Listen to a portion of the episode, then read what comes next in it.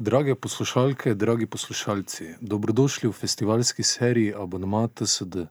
Oglašamo se iz 49. tedna slovenske drame, sočasno s tekmovalno predstavo Obzori v produkciji Prešernovega gledališča Kranj. Danes smo z vami Mince, Miha, Nina.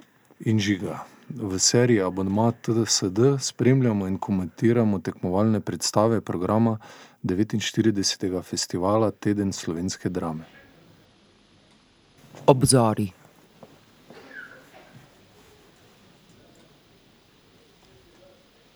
Gledalci eh, se še umirjajo, počasi se je spustila tema na parter, in eh, pred nami vidimo šest igralcev v polmraku, kako na dolgi mizi eh, podajajo vsak svojo lučko, ki se eh, vrtijo na tekočem traku.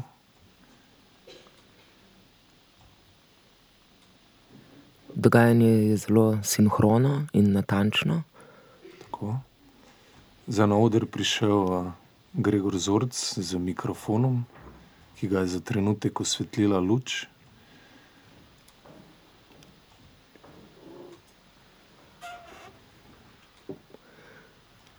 In zdaj se pripravlja na prvi monolog, osvetlila ga je luč. Vse moje življenje je posvečeno brezuspešnemu, popolnoma brezuspešnemu boju. Moj sovražnik je neranljiv in nesmrten. Rodil se je s prvim človekom in se je množil in redil in danes živi v tisočerih telesih tisočero življenja. V svoji celoti neizmeren, vesolno sam. Vidim samo posameznik... Gregor Zorc uh, govori monolog oziroma pripoved, oblečen je čist nekako vsakdanje, uh, rjavo mikico s kapuco. Tudi ostali delujejo prelivati kri brez velike koristi. Ampak že ti nazori so delni Ja, zelo so oblečeni uh, vsakdanje, no? ni kostumov pravih.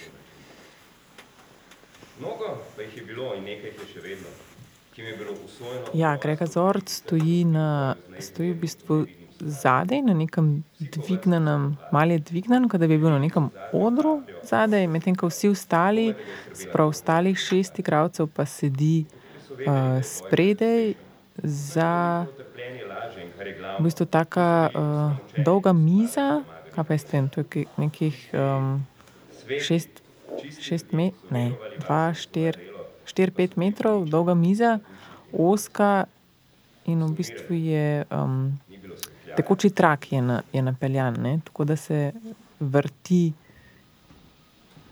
Gregor Zorc se bo zdaj pridružil drugim.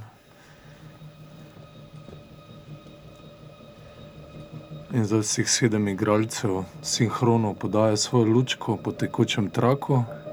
Iz ene roke v drugo, in začela se je tudi glasba. Ka Oglušujoča glasna glasba.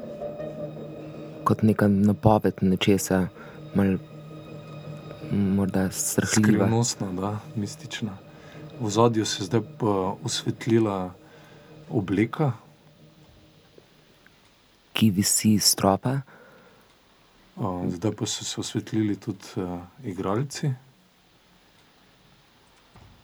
Vesna Slapar je začela za, prvi, za prvo zgodbo. Leta v dim velikih fabrik in v prah neškropljenih ulic. Ja, prva zgodba govori o Anki.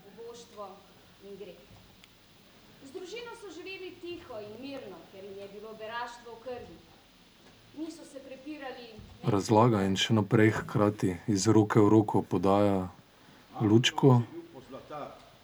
Zdaj se je v dialog vključil tudi eh, Peter Musevski. Prepozno se je odločil, da bi se pridružil veliki delavnici, ki je po- požirala manjše, kakor za šalo. Bil je bolehen, se stradan in zlovoljen. Ko ni več zdržal To dogajanje je zelo sinhrono. No. Hkrati govorijo in eh, v istem ritmu podajajo lu- eh, lučke svoje. Ja, vsak od igralcev ima pred sabo neko tako kvadratno leseno kocko, iz katere gleda uh, žarnica. Trenutno žarnice ne gorijo, in uh, ker uh, tekoči Mislim, trak. gorijo, ne? Ali gorijo? Brlijo. Brlijo. Zdaj govori Vesna Pernarčič. Ja, igravci v bistvu skupaj pripovedujejo eno zgodbo. Uh, eno zgodbo pripovedujejo, in um, ja. Tako da ne gre za, za dialog med različnimi um, osebami, ampak skupaj v bistvu vseh sedem igralcev izmenično pripoveduje uh, zgodbo o Anki. Zdaj se je priključila tudi Vesna Javnikar, ne? Jevnikar. In najrajše bi se zjokala, tako kot otrok, včasih hipoma zajoka, pa ne vem niti zakaj. Zdaj smo opazili, da je tudi bela črta na tekočem traku, verjetno za orientacijo Bi lahko skrbovala domača dela. igralcem, kdaj krok naredi. Ko je prišla Anka gospe Rigleri, da bi se učila, kako se šivajo Po domače reč, rečeno, cahni. Ja.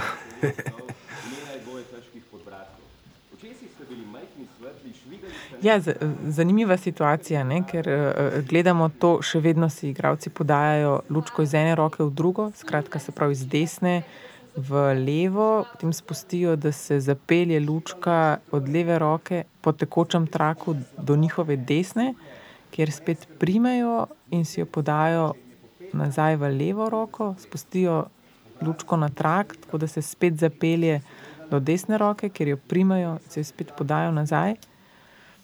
Tako da in to vseh sedem igralcev počne uh, hkrati. Um.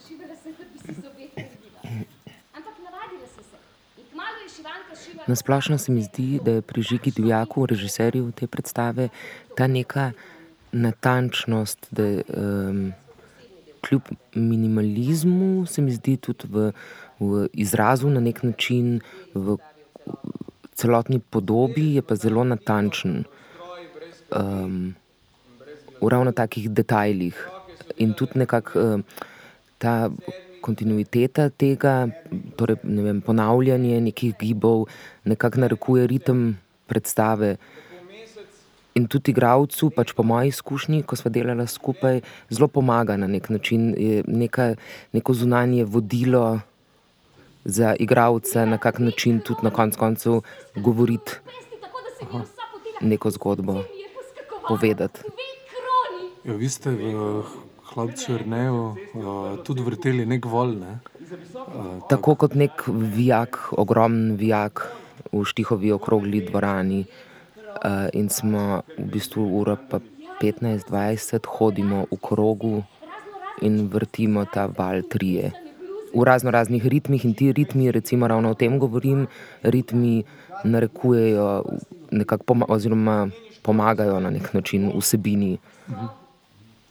Da so uh, igralci ustavili svoje lučke in jih držijo v rokah. Da se mi v obraz vse te zlate zapestnice.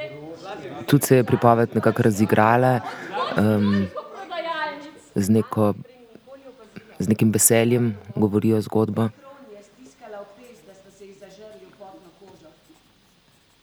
Ja, tako zelo so, zelo so igrani, tako taka, v bistvu tak nek zvočni, um, kako bi rekla, tako skoraj zvočno, tak nek uh, glasbeno ali neka taka posebna pozornost na pripovedovanju, se mi zdi pa izmenjavanju um, tega, skratka, razdeljenega, razdeljene pripovedi. Lučke so spet na tekočem traku, samo še razriti pred torej ritem se nadaljuje. Uh, drugače pa poslušamo, uh, pripovedujejo zgodbo o Anki. Uh, mislim, da je to nekako 14-letna deklica, ki je šla služiti kruh. kruh. Mama jo je poslala služiti kruh k eni drugi uh, družini. Um,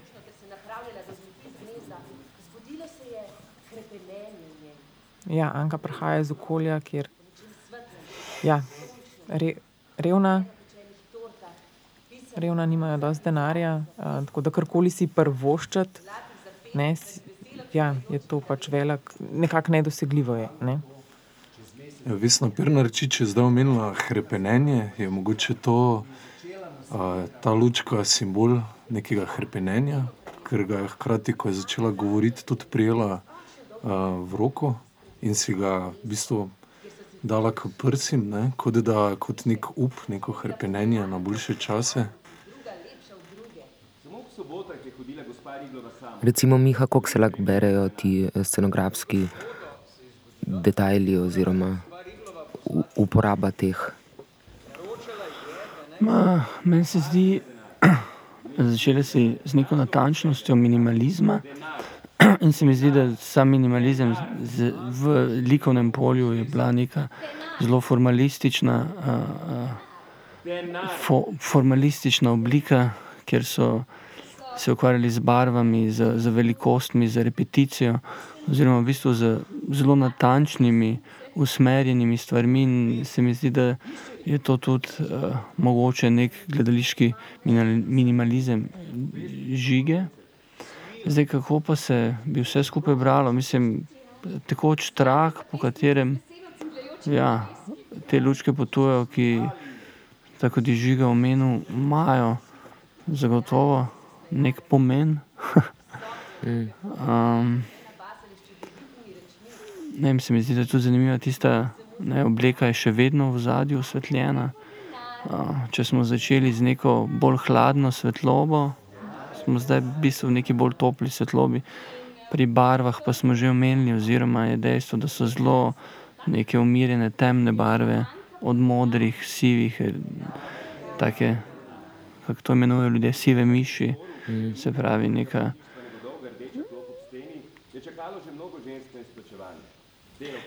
Ja, zdaj pa smo, če se vrnemo k zgodbi, smo zdaj le uh, slišali že parkrat, da so vsi igravci ponovili denar, denar, denar.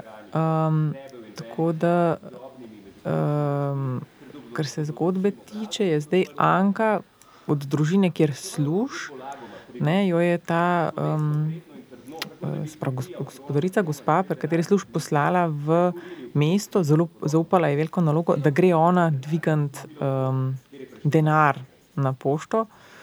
In zdaj se, se pravi, um, Vesna Slapar je ravno kar uh, ne, prišla zdaj na to pošto in um, rekla, da bo dvigala toliko denarja, 86 kron, kar je v bistvu zelo velik. Um, je razumeti iz konteksta za gospod Riglovo. Tako da to je zdaj neka napetost v zgodbi. Ne? Ta deklica je bila poslana sama uh, po denar. Očitno ne. Ne, to je tudi nek uh, pojavljajoč motiv uh, pomankanja denarja pri, pri Cankarju. Zdaj, koliko sem gledal, Eh, ta sicer prva zgodba niti ni iz uh, zbirke zgodb o obzori, samo sicer jaz sem to gledal na Viki Sorsu, uh, ampak se Anka tam ne pojavlja in se mi zdi, da je tudi uh, Žiga Divjak, ki je avtor uh, predstave in Katarina Morano, ne, ki je dramaturginja, da sta. In prirediteljice tudi. Tako. Eh, da ste naredili neko kombinacijo zgodb, se mi zdi, eh, Cankarja. Jaz sicer nisem tako poznavalec, da bi lahko na pamet ocenil, katera je iz katere, ampak eh, je mogoče ta motiv obzori vzeti samo kot nek, neka rdeča nit celotne predstave.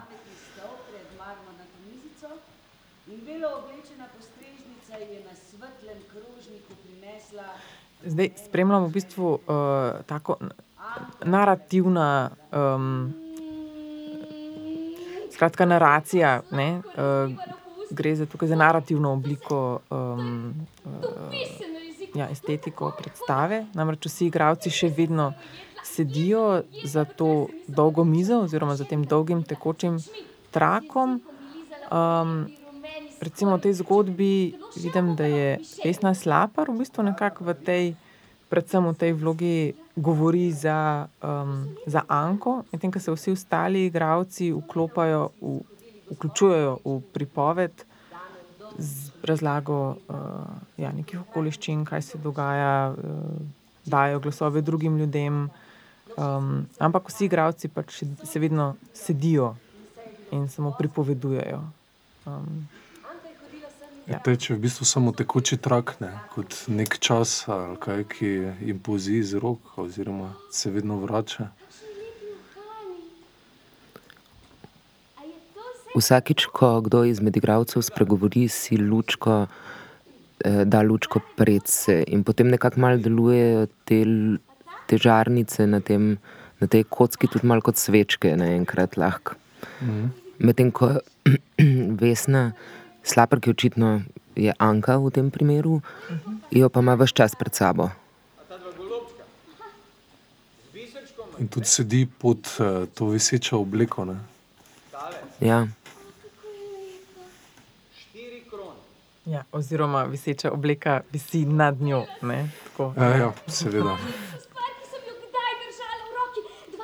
In zdaj v zgodbi uh, smo zdaj spremljamo Anko na poti, na poti domov. Uh, skratka, ona je dvignila na, na vsta denar in zdaj se vrača domov, ampak namesto da bi šla zdaj naravnost domov, jo na poti proti domu premam premamijo vse, um, vse materialne dobrine, ki si jih običajno ne more prvoščati. Um, ne, slišimo, da, kot da bi šla v bistvu. Jaz si predstavljam, da gre zdaj skozi, skozi vas, skozi trg. In uh, kjer jo pač mamijo, da lahko kuprože, da lahko klubuke tramvaj, recimo, se zdaj prpele. Nikoli se še ni peljala s tramvajem. Skratka, um, veliko nekih skušnjav jo spremlja. Ja, in v bistvu vestna slaba redina, ki nekako igra v tem prizoru. Ne? Ostali so kot pripovedovalci, ona pa tudi z gestikulacijo. Z mimiko, z spremenjanjem zvoka, v bistvu je v tej vlogi Anke.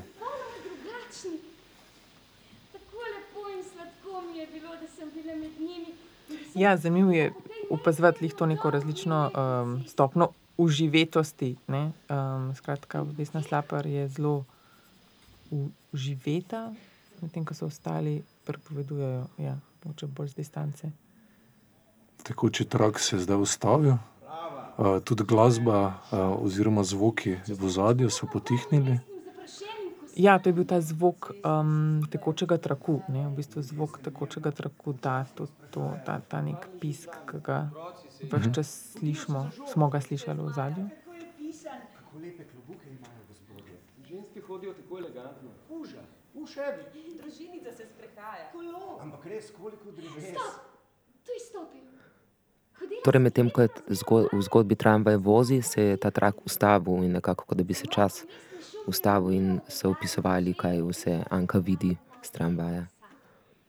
Že je šepetalo stresalo. Zeleno listje se je pogovarjalo.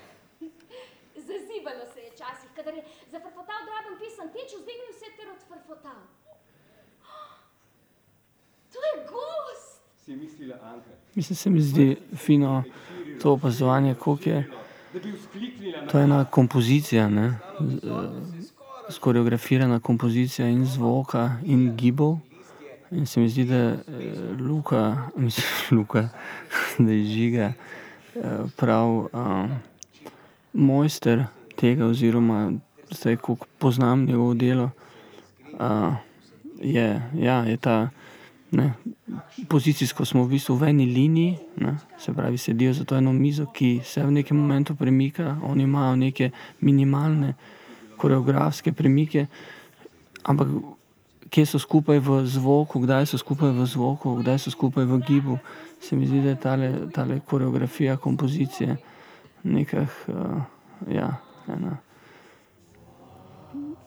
Neka nek režijska, režiserska poetika oziroma koncept, ki. Ja, pa tako, kot si ti že minca prej omenila, ne, um, prejšnjo predstavo, ki ste jo delali skupaj, se pravi. Um, Hlapec je ne. Uh -huh, hlapec je ne. Gre tukaj tudi za to neko za te dve, dve plasti, ki jih gledamo. Ne? Se pravi, ena je ta govorna, se pravi, pripovedna um, linija, druga pa ta vizualna, fizična, um, ki je v obeh primerih pri teh predstavah repetitivna, uh, oziroma govori neko drugo, neko drugo zgodbo. Ne? Tako da, ja.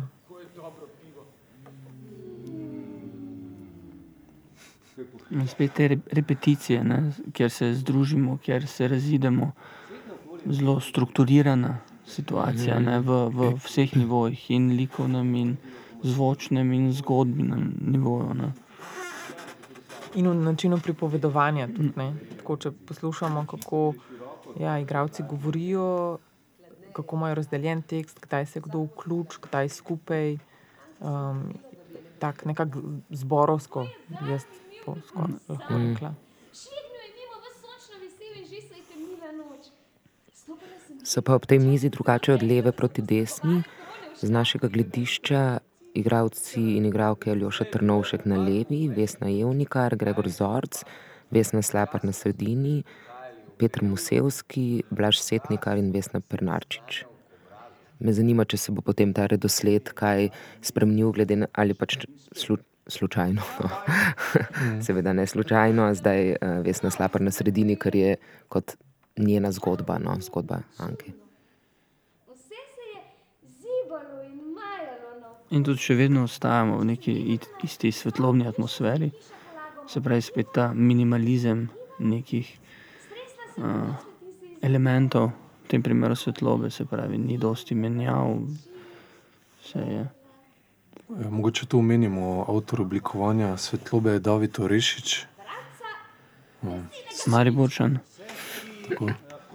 Scenografka je Tina Mohorovič, kostumografka Tina Pavlovčič.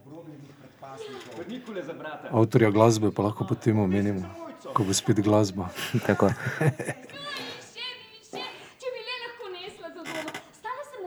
Ampak, če se pa v zgodbo vrnemo, pa ja, spremljamo Anko še vedno na poti domov. Skratka, Anka še zmeraj ni, ni prišla domov. Um, prej je bila na tramvaju, ko je stopila s tramvaja, si je, je šla v neko restauracijo, gostilno, ker se je prvoščila pivo in nekaj za pojest. In zdaj, uh, potem je kupila tudi, uh, mislim, da neko broško, pa nek za brata ali zase, pa ruto za mamo. In zdaj spet na tramvaju in gre nazaj.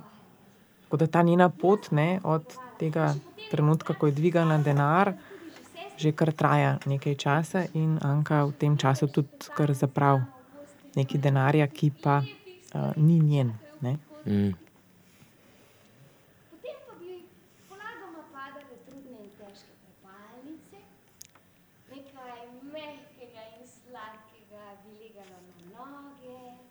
In lahko pa vidimo Vesno Slapar, ki tako zelo ekspresivno, uh, uživeto, uh, z neko tako otroško naivnostjo, um, ja, z nekim velikim nasmehom, žarečimi očmi, um, nekako vid pred sabo to zgodbo, te um, ja, situacijo, stvari. Res kot ena punčka deluje, 14-letna, zelo dobro se živi. Zdaj pa vidimo levo ali ošo. Zdaj se je s premembo svetlobe tudi spremenila tempo predstave. Ne? Ja, namreč Anka je v tem trenutku prišla domov. Ne? prišla je domov, tako da atmosfera se je spremenila, neka temnejša, bolj hladna luč. Uh, vsi igravci nekako kričijo drug čez drugega in kreirajo skupaj tako uh, atmosfero. Um, skratka, neka ta atmosfera res pač jeze, uh, agresije in uh, zahtevajo njen denar. Pač, očitno so jo vsi skupaj. Um, razkrili so jo, ne? Anko. Kaj... tudi uh, so vsi razen An Anke oziroma Vesne Slapar uh, kričijo na mikrofon, ki so ga vmes vzeli izpod mize. In spet slišimo ta denar, denar. Ja, če je bila prej neka druga atmosfera, ker je Anka v bistvu na poti domov uh, ne, bila v nekem svojem fantazijskem, veselem svetu, je tukaj zdaj.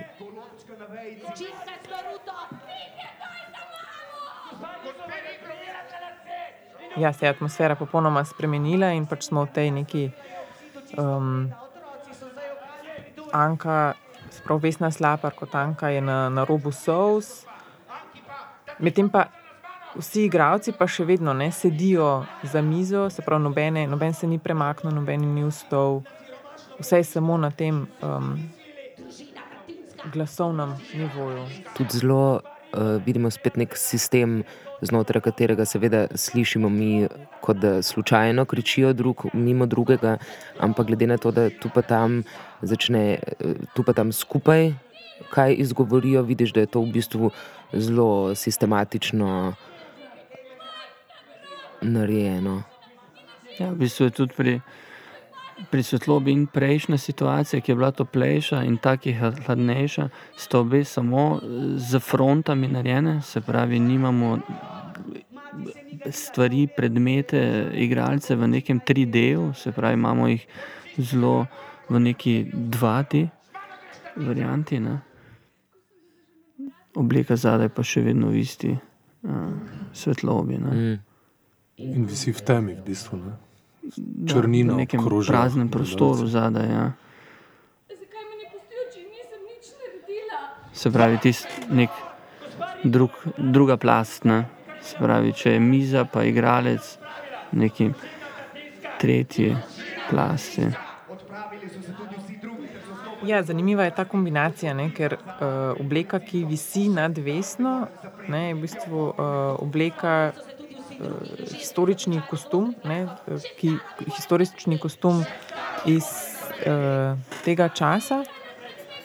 Um, Medtem ko so igravci spodaj, pa v bistvu vsi oblečeni um, v sodobne, v sodobne uh, obleke. Ne, um, In gre za, recimo, za zanimiv um, ta nek kontrast, ne? da pač gledam kostum iz enega časa, pripovedovalci so pa si iz, od tukaj, ne? vidim, da so od tukaj. Jaz pa lahko zgodbo nekako povežem, projiciram uh, ja, s kostumom, ki ga gledam, um, gor v zraku. Ne? Vesna slapa, zdaj že joče na robu zloma, drugi igralci so z napadom spravili tako daleč, da je že v obupu skoraj. Pa že kar nekaj časa traja tudi to kričanje, oziroma se je ta hip Aha. ustavilo. Z udarcem Aljoša Trnovška po mizi. Ne, edinega, ki je imel mikrofon na koncu in potem je udaril po mizi. Domov bi šla. Tako mlada, pa že tatica. In še zmeraj pač imamo to uh, hladno luč, ne, ta v bistvu dramatičen trenutek napetosti tega, tega prepira, tega jezenja, traja kar nekaj časa. Hladne lučke tudi osvetljuje manj mize, manj tekočega traku, kot smo ga imeli v prejšnji, neki toplejši.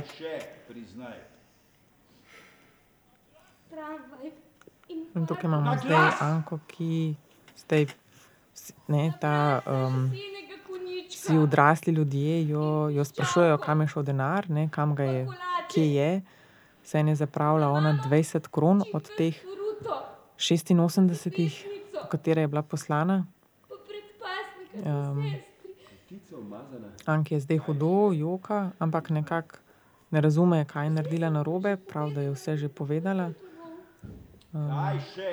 Ostali pa jo še vedno zaslišujejo, um, zahtevajo od nje, da pove, kam je dala denar. Se pravi, te svetle, rjave škatlice z žarnicami, navadnimi starimi žarnicami, stojijo pred igralci in se jih niti ne dotikajo. Mm. Noč je že popozno, je zame huda. Se mi zdi, da je vseeno Vesna Slapar rahlo bolj osvetljena kot nosilka zgodbe, ali, ali ne? Mislim, zdaj, če primerjamo zdaj v, v tej kompoziciji, kjer jo gledamo z Gregorjem Zorcem na njeni desni, Gregor ima temnejše, te- temnejši kostum, mikico s kapuco, njena je svetlejša, da in tudi, zdaj, če bi kože pogledali, ja, ne vem, ne vem, ne vem, kdo je bolj osvetljen.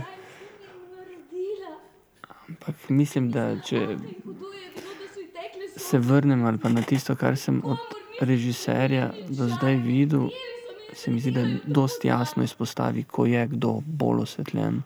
Oziroma, kot je nek znak, kot je mikrofon, ali nekdo stoji, ali je bolj osvetljen.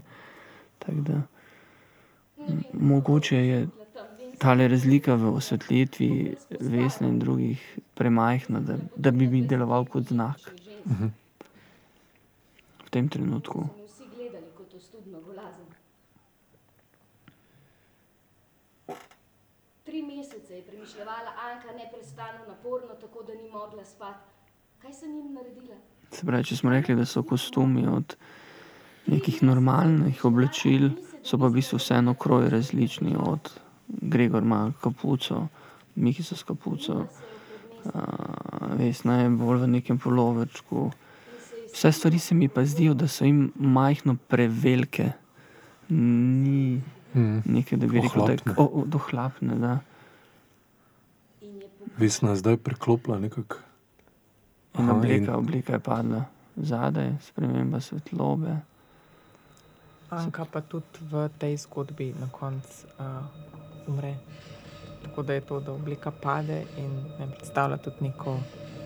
smrt. svetloba je samo od zgoraj navzdol, majhna, neke silhuete in lučke so se začele sprej premikati po traku. In spet slišimo morda bolj zvok kot Da. prav glasbo, oziroma nekaj, kar spet podpira malo to zlovešče. Vzdušje. Ja. Ampak bi tole jaz kar imenoval glasba. No, seveda, ampak Ni sam zvok uh, traku, koreografija iz leve v desno roko, lučk se nadaljuje. Nekateri majhno prehitevajo in se mi zdi, da je to uh, zrežirana situacija, ker so bili na začetku zelo sinhroni, mm. natančni in sinhroni. Da so se v ozadju osvetlile no, štiri obleke, ki visijo nad igralci. Spet historične, levo nad Aljošo Trnovškom, ki je zdaj tudi edin osvetljen, in desno, uh, osvetljena na sk- skrajno, skrajno desno Vesna Prnarčič, in nad njima so moška obleka in ženska obleka, na sredini pa sta moška in ženska obleka, torej štiri obleke visijo. Ostali igralci na sredini pa so zdaj v temi.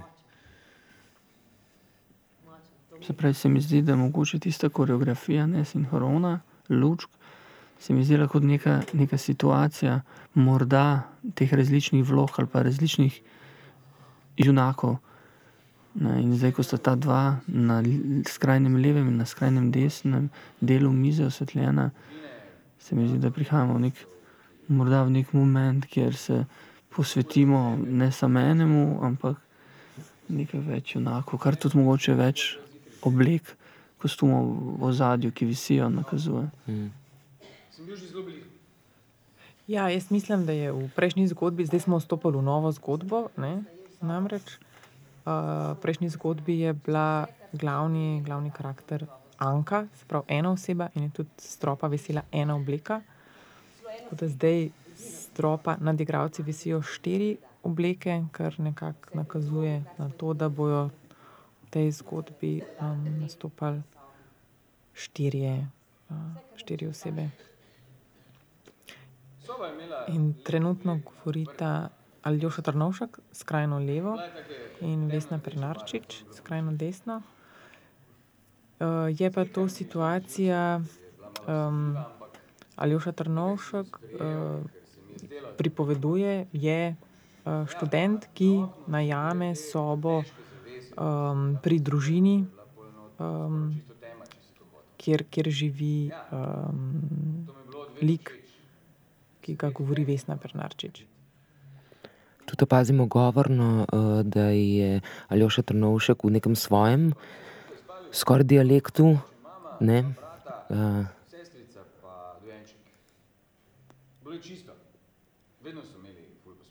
Svetlobno pa se seveda oba izolirana, zelo izolirana, se pravi, nimamo tekočega traku, nimamo mize. Imamo pa še vedno in spet samo fronto, ki ni tako hladna in ni tako topla, kot smo imeli na začetku, ampak je nekje vmes. In žarnice oziroma lučke, ki še vedno gorijo, pa vse. Pa vse, da. Mhm. In še vedno smo za mizo, torej, uh, gibanja, uh, Tako hoje Dmitar po odrušeni. omenja. Tako. Prav roki tresli, če sem mu mogla nesti blago.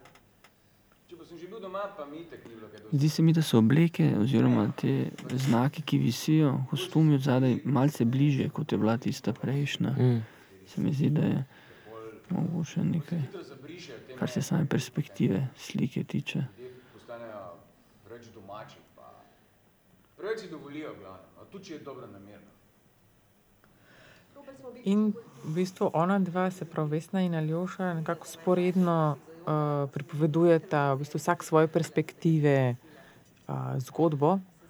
Um, skratka, se pravi, Vesna govori uh, o družini, ki oddaja uh, sobo temu človeku, študentu, ki pa pride k njim na jed. In v bistvu vsak zdaj paralelno pripovedujeta o izkušnji. Um, Za denar, ki sem ga pa plačeval, pa je bilo super. In je zanimivo slišati v bistvu uh, dve perspektivi. Um, ne. Vesna govori, kako so oni hoteli biti kot družina, ne, nekako čim bolj tihi, da ga ne bi preveč motili, to je zdaj nov najemnik. Um, To je bilo za nas takrat pomembno. ja, Aljoša, ki govori za tega študenta, pa tudi prav, ne, da se je on držal bolj nazaj, ni hotel preveč stopiti v. Nekako je probo držati distanco do teh svojih najemodajalcev, da se ne bi zdaj preveč zapletel. In zdaj pač čakamo, neka, ne, kaj, kaj se bo zdaj zgodilo tukaj med, med študentom, najemnikom in um, hčerko te, te družine. Ljuša Trnošek se je zdaj zamislil, prijel za glavo pred naslednjim dialogom. Ja, očitno prihajamo do neke točke, ključne, ki bo zdaj mogel nekaj izraziti, ker mu je težko. Tak dan, ko si že zjutraj dobre volje. Ne? In v tistem potrka na vrata in tako vsak dan mi ona prinese zajtrk ob sebi. Jajca. Ni bila lepa, ne, se vidite, pač taka suha.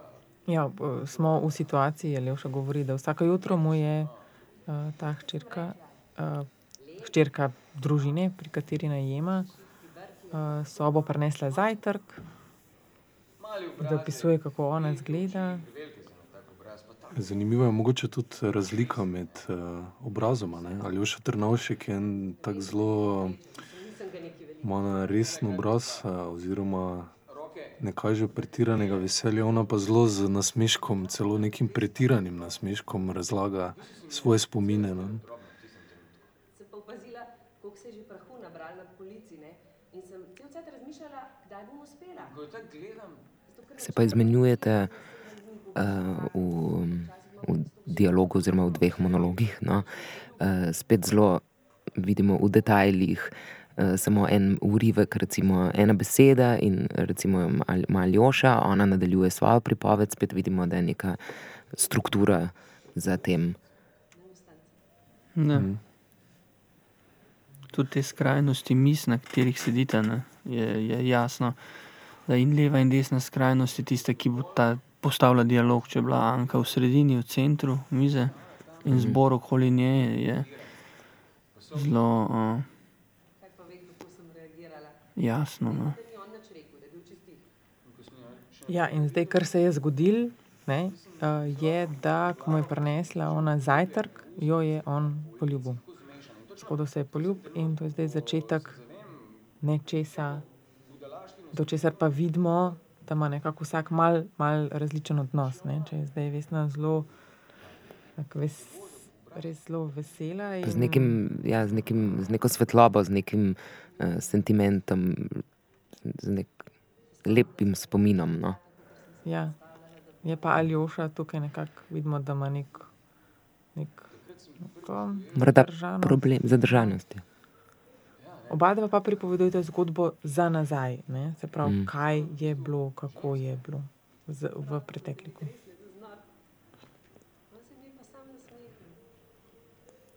Ampak, Minca, ki si ravno omenila to, to strukturo, kako je v bistvu zelo natančno, ne, se jaz pol vprašam, je to, mislim, kako je tukaj zdaj neke improvizacije, ali je to vse v bistvu zapisan, napisan, ne, deluje zelo nekako, ja, organsko, zelo tako uh, živo ni vnaprej, da bi bilo vnaprej določeno strani žige, ne, nekako, kot da bi se nekako vmes vzniknila potreba po recimo hitrejšem tempu ali pa. Uh, Recimo, mi smo tudi imeli izmenjaje, dost nekih kot um, besed, pa trije smo igrali, tudi Gregor Zorc, ki je tukaj uh, gost, tudi edini gost, ki je v tej predstavi, drugače so vsi člani ansambla Kranskega gledališča in istok uh, Drabik Juk.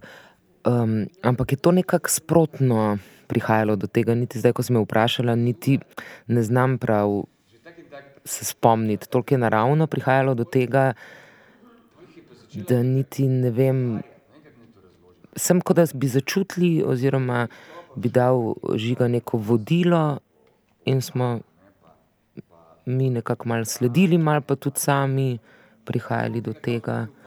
Ampak tekst je pa natančno določen, kje. Uh, oziroma, ja, ne, tekst je bil, ampak smo tudi znotraj tega mi uh, marsikaj spremenjali. No? Mi smo imeli malo tudi drugo situacijo. Eh, kar se teksta tudi tiče, no, kar je v bistvu žiga uh, takrat zbral iz vseh pričevanj delavcev, pač ker mi smo govorili o delavcih, uh, te zgodbe in jih potem stkal v neko celoto. Ja, kar bi bilo zanimivo, ja, uh, da se sprašujem, jih je v načinu dela, v resnici ali dokolik, do ker so v bistvu to narativno do kere mere je v bistvu pride ta žiga in Katarina že z izpisanim dialogom, koliko v bistvu to se potem še spremenja v, v, ja, med delom. Pri nas je marsikaj spremenilo, ker je sproti nastajalo. Ker, je, ker smo sproti raziskovali, predvsem žiga. No, Katarina takrat z nami ni delala, je žiga sam. Tu pa je tudi pač eh, Katarinin del, mislim, da bil tudi prej zelo, zelo že narejen izbor. Uh, izbor cankarjev in tudi, mislim, da na novo, kaj je napisano. Ampak nekako to, kot vidim, mislim, kot vidim zdaj, recimo Aljošo, pa vesnost, je neka velika naravnost v pripovedi. Bila tudi bila njuna zgodba, no, nekako zelo, zelo natur. Kako da se o svojih eh, lastnih spominih pogovarjate. Ampak nasploh je žiga tudi tako bolj raziskovalni, ne? režiser, koliko sem bral o prejšnjih predstavah in jih gledal. Ja. Se tako rekoč novinarsko, a, raziskovalno lotiti neke teme, kot delo recimo intervjuje z delavci iz Luke Koper. Pa. Ja, ja. Sploh verjetno je malo tu spet pravim drugačna situacija, kot je bila pri hlapcu, ker je tu cankar, tisto pa je tudi cankar, ampak v bistvu je hlapec bil sem neka osnovna ideja v resnici. Uh, ampak zelo raziskovalno. In on potem, tudi ko se je naša predstava končala, on še vedno zelo sodeluje recimo, z um, delovsko zbornico, uh, delovsko, pardon, zbornico, svetovalnico, ki je nam zelo pomagala v predstavi. Hlapec še zdaj sodeluje z njimi, uh, še zdaj hodi na tja, uh, tudi ko je delal predstavo šest uh, za imigranti, so, so še se ogromno krat dobili po predstavi, potem ko je že bilo vse narejeno. Um, tako da ostaja v stiku s temi temami, ki ga zanimajo, še dolgo, dolgo časa. No. Mm. Šest bo tudi med drugim del programa. Ne? Tako je, ja. drama, je, ja. bomo tudi komentirali v teh dneh. Ja, čeprav je tukaj zdaj uh, neka druga tekstovna predloga, pa se mi zdi ta postavitev še vedno pa deluje tako, tak, tako dokumentarna, v resnici, kar si ti rekel, uh, žiga, tudi uh, deluje ta in Aljoša in Vesna nekako tako zelo organsko, naravno, da bi govorila o svojih spominih. Meni se tudi zdi, imam ta občutek, da gledam ja, nek, neke dokumentarne, neka dokumentarnost. Ne, je, um, se mi zdi prisotna.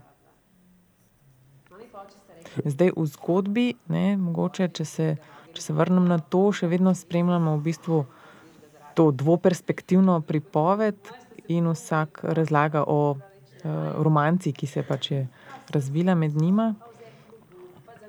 Um, Namreč, klej gre tudi za, za stik med dvema, med dvema um, rekla, različno premožnima človekoma. Ne? Se pravi, če uh, je Aljoša nek študent, pomeni, da je nekako iz enega družbeno višjega sloja, kot um, Vesna, spravlik, ja, ki ga igra Vesna. In tukaj, če bi se ta zdaj romanca išla, mislim, da bi tudi bil za, za njo ne, uh, to nek neko boljše življenje, um, pač nek obet je tukaj, da bi lahko bolj živela, moče se potegniti iz revščine.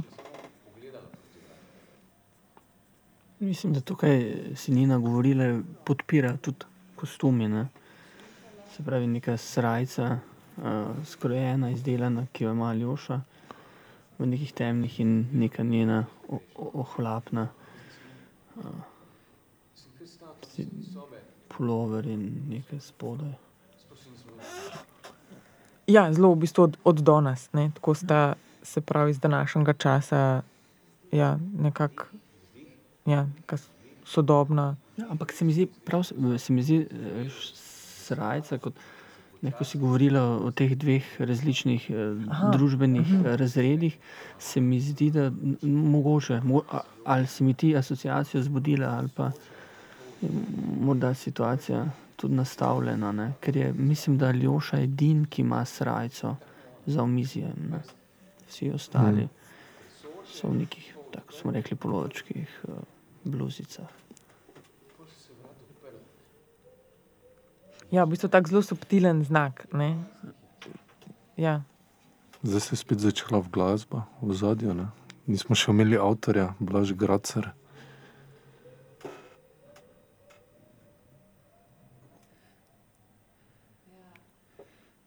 V bistvu je bil manj preblisk, pardon.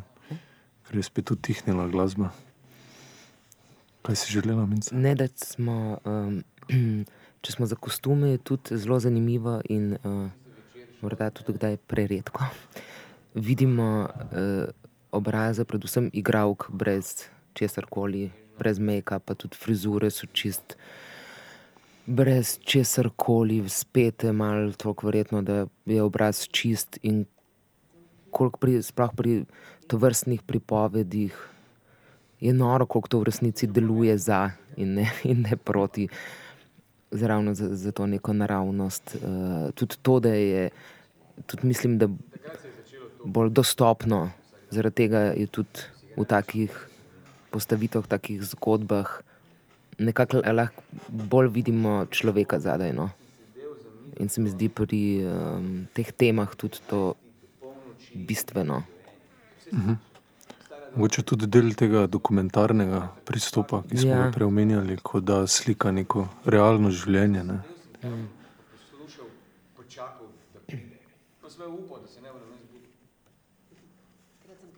No, ampak kaj pa potem dela v takem primeru oblikovalec maske, ki je potem Matej Painter? Kaj on potem uh, nadzoruje, v bistvu, da so dovolj? Hecno je, to so tudi odločitve. Ne? V resnici to je tudi njihov oblikovalec maske, ki je pač zaposlen v Kranju, ampak eh, tudi eh, kdaj, eh, recimo, nekako slučajno speta frizura, seveda na odru. Je redko, da je res samo slučajno speta frizura, no? Mm. seveda ni odgovorila. Samo stisnila se je k meni, kolikor se je lahko. Čisto k meni. Mene je zanimivo, kako si vzamemo tudi, eh, mislim, vzame predstava časa za te pripovedi, v nekem miru, v nekem, mogoče ravno v tem neskončni potrebi po drvenju, da je to potem nekako, da bi se oko malo spočilo, pa uho tudi malo spočilo. Um, Ja, kot bi se z nekom na kavi pogovarjal, ki bi ti razlagal ne, svojo življenjsko zgodbo, brez nekih scenskih elementov, brez bilo česa. tudi to zaupanje, da je zgodba enostavno včasih tudi dovolj, da je ona sama v nekih pač okoliščinah, seveda, ki si jih pač ekipa um, naredi, da je, da je dovolj. No. Se mi zdi, da tudi malo zdaj v gledališču se mi zdi pronicajo te tudi neke te mirnosti, pa pokrajine, časovne. In se mi zdi tudi to fina osvežitev. Mhm. bi vzel eno tako brez zvezdico. Živiljo brez imena in brez premoženja. Ja, in še vedno smo, tudi nekaj časa si vzame ja, in za pripoved, in da spremljamo zdaj ta notranji svet obeh protagonistov. ne. Um, še vedno sta osvetljena samo Vesna in Aljoša. Um, in še vedno spremljamo zdaj njun, njuno zgodbo. Ne. Skratka, ona je um, ja, šivilja, ne, šivilja, on je študent in zdaj, kako ona, vidimo še zmeri, da ona v bistvu s to neko. Z nekim veseljem, z nekim hrepenenjem, z nekim pričakovanjem govori o, o, o um, tej zgodbi. Ne? Nekaj ali Aljoša pa ja, še vedno nekako zadržan, čutimo, da pač je neka, neka slutna, nekako mogoče se to ne bo najbolj škončal. Ali, um, ne, govoril je tudi o tem, kako v bistvu njega, mislim, on je opazil, da je zdaj tudi ne, njena dva starša, se pravi, najma dajalca, ne, sta nekako se mal, noben ni nič rekel, očitno sta opazila, da se med njima nekaj dogaja, bila verjetno tudi ona zadovoljna, ker sta, ne vem, enkrat šla na sprehod, tako da sta bila ona lahko sama dva doma. Um, ne, oče njen se je kar prišel z njim pogovarjati in tako. Uh, govori pa Aljoša o tem, da je teg, tega študenta, njega, ne, pa to nekako zmrazil, um, če si je pač predstavljal zdaj to skupno prihodnost, nekako ga je stiskal. Um, ja.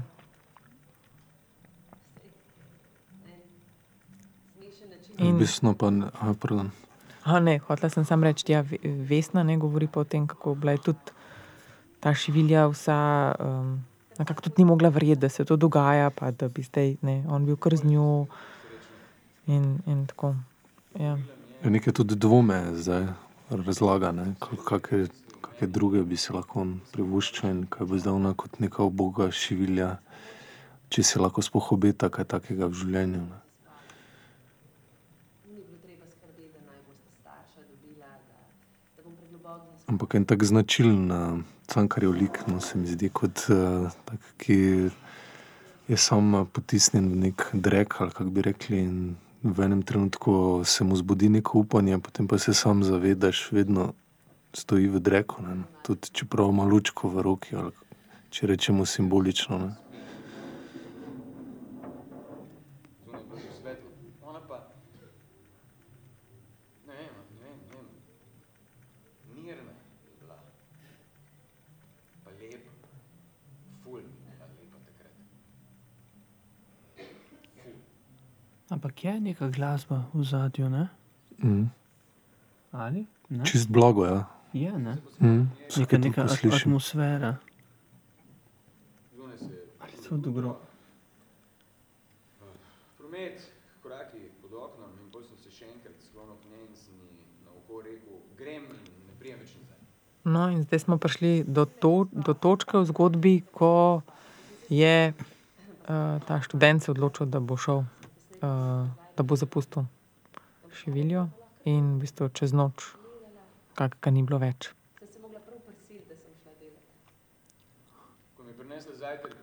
In ja, imamo to neko atmosfero res tega, če gledamo ne, Vesno Šiviljo, um, ta nek lik, ki si misli, da si ali ne zasluži več, ali je nekako zelo, um, ja, nekaj hrepeni, pa ne ve, a se bo zdaj to šlo ali ne.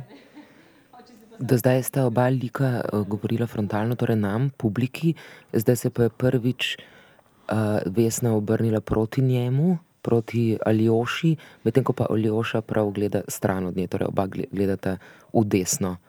In je tudi nekaj pretresljivega v tem, v njegovi nesposob, nesposobnosti gledanja nje in njeni želji po njem.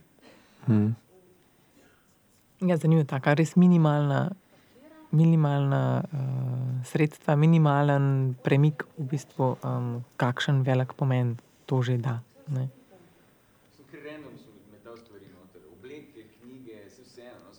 no, ne bo čim prej konec, ne bo konec. Jaz v bistvu ne vem, kako je točno šlo. Malo še je postala pri vratih, pol pa šla. Verjetno sem že kaj rekla. Ful sem umela za reči. Ona zdaj seveda to vzame nase, da je mogoče ona kaj narobe naredila, narobe rekla, ga je pač s tem odgnala. Ne. Na ko se.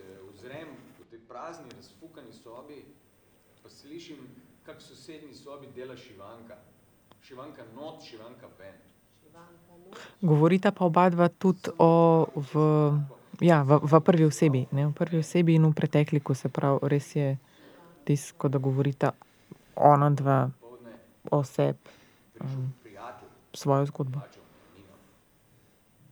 je pač vzel še kaj ostalo. Pa kot smo omenili, tudi neka pristnost jezika, ne? mm. da Aljoša v bistvu govori v mariborščini Deloma tako. in da še bolj nekako deluje, tako res kot da o sebi govorita. Ne? Da ni eh, izviren tekst v neki eh, knjižni slovenščini. Za razliko od Anke, ki pa je bila Uh -huh, uh -huh. v, um, v slovenščini, oziroma v knjižni slovenščini. Mm. Je tudi uporaba nekih besed, ne, ne vem, ali je še rekel, uh, razfukana soba. Ful. Pač ful. Um, tako se je končala.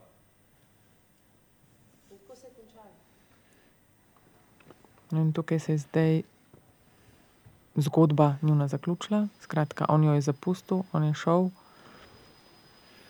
Trak je spet začel delati, torej teč, in spet si podajajo lučke, še vedno pa sta Izpostavljena.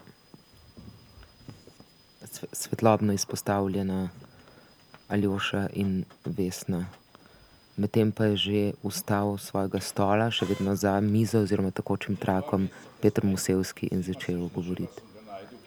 Tudi on je osvetljen. Se pravi, imamo zdaj trikotnik osvetljen. Ne? Ja, Izpostavljen, trikotnik izpostavljen, ostali pa se z lučkami in nekaj svetlobe. V zgodbi mislim, da je on oče, ne? od Šivilje, ki zdaj razlaga svoj spomin na epizodo.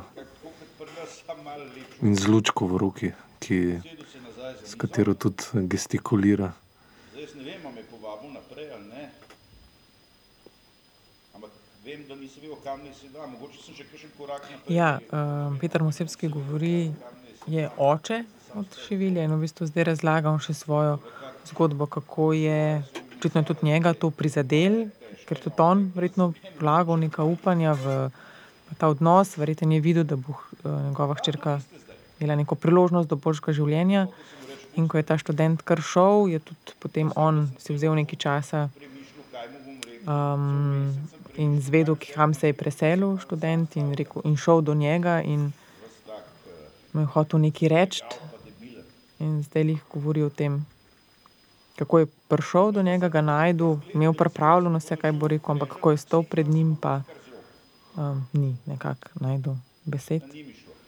In to tudi uh, Peter Masevski razlaga z neko tako posebno um, ranljivostjo, um, pač vice, da se ga tako zelo osebno dotakne zelo je tako ranljiv, zelo um, čustven, nekako težko mu grejo besede z jezika.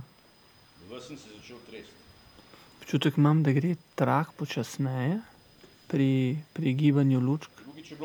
Se pravi, imamo na levi in na desni izpostavljena zaljubljenca in očeta, ki stoji, ostali pa v manjši svetlobi premikajo lučke. Zdi se mi, da tudi pri nekah, nekah berem zdaj, oče ima izrez kostuma istega kot hči, ampak barva je pa podobna študentovi srajci. No. ja, ima tako, kaj to neka modra, vijolično modra majica s togimi rokavi. Zdaj pridemo spet do enega tragičnega, spet tragičnega momenta, kjer je zdaj oče opisuje, kako sta šla potem s hčerko en dan v mesto. Uh, ona je nosila škatle uh, in je mogla jih nekam oddati, on jo je čakal nekje pri enem vogalu, tako da je videl oddaleč, kako je nosila škatle in kako se je zaletela tam v neko fino gospo, ki se je nekaj zjezila potem na njo, na šiviljo. Um, in ker je to pozval z razdalje, je pa videl tudi tega študenta, kako je um, videl ta dogodek in kako uh, je šel ta študent do te gospe, ki uh, se je zjezila nad, nad šiviljo in je hotel nekaj reči. Um, ne, da bi hotel v bistvu stopiti v bran. Ampak tragika je pa tukaj, da nih, noben ni nobenega videl. Ne. Skratka, oče je videl oba, šivilja ni videla študenta. Um, študent pa tudi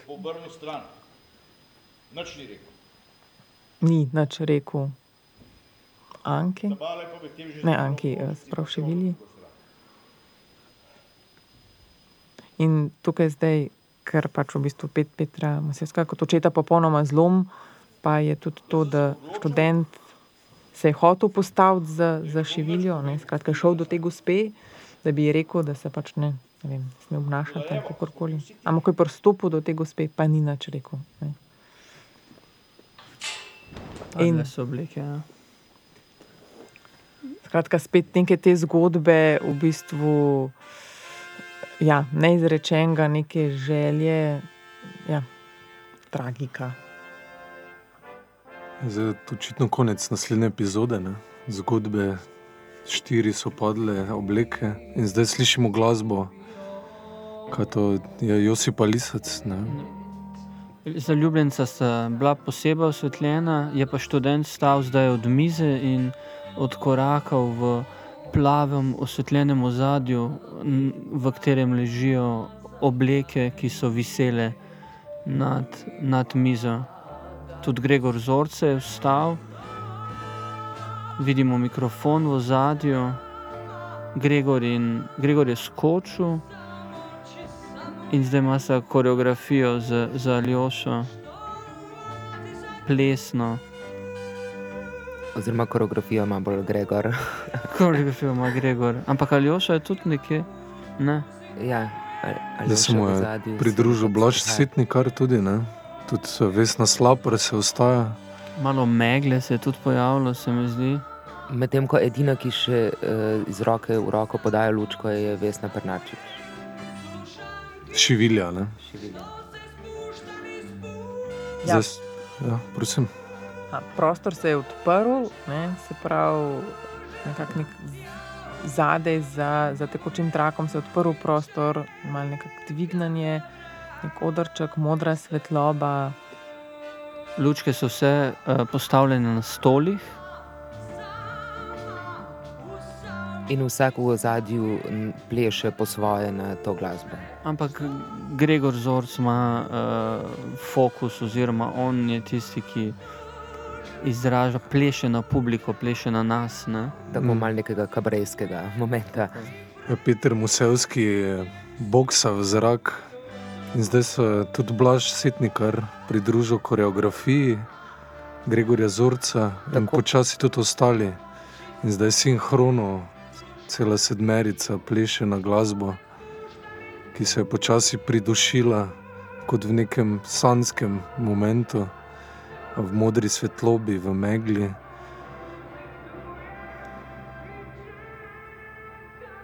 Plešejo pa tako, da se v bistvu delajo par korakov v eno stran, se objamejo in potem razprejo roke, in spet par korakov v drugo stran, in se spet objamejo in spet razprejo a, roke. Tako da v bistvu ena. Ena minimalna koreografija spet. Ne?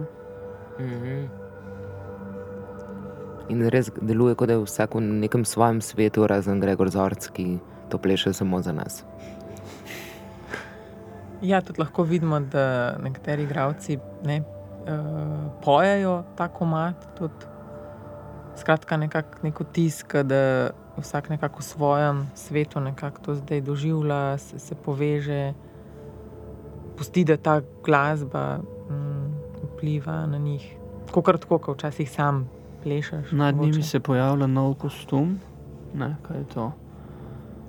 Nek korzetek. Ja. mogoče. Oziroma, ja. tudi megla je Ja. na, na odru. Zdaj v spredje je stopila Vesna Jevnikar pred mikrofon in je tudi a, nekoliko bolj izpostavljena za osvetlitvijo. Koreografija zadaj se nadaljuje, ampak je vstopila v neko polje proizvajanja zvoka, nekega ritma. Se mi zdi, da so kar glasni.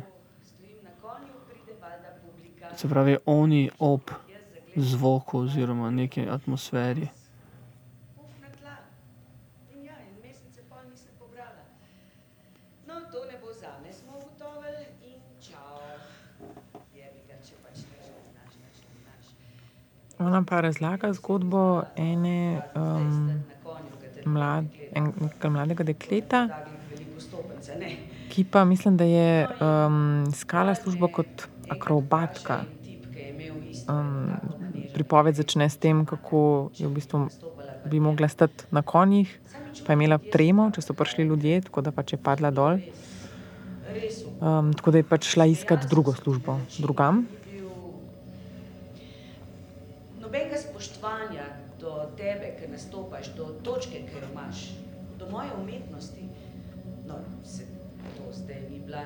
Spet smo v polju pogovornega jezika, torej eh, ne knjižnega.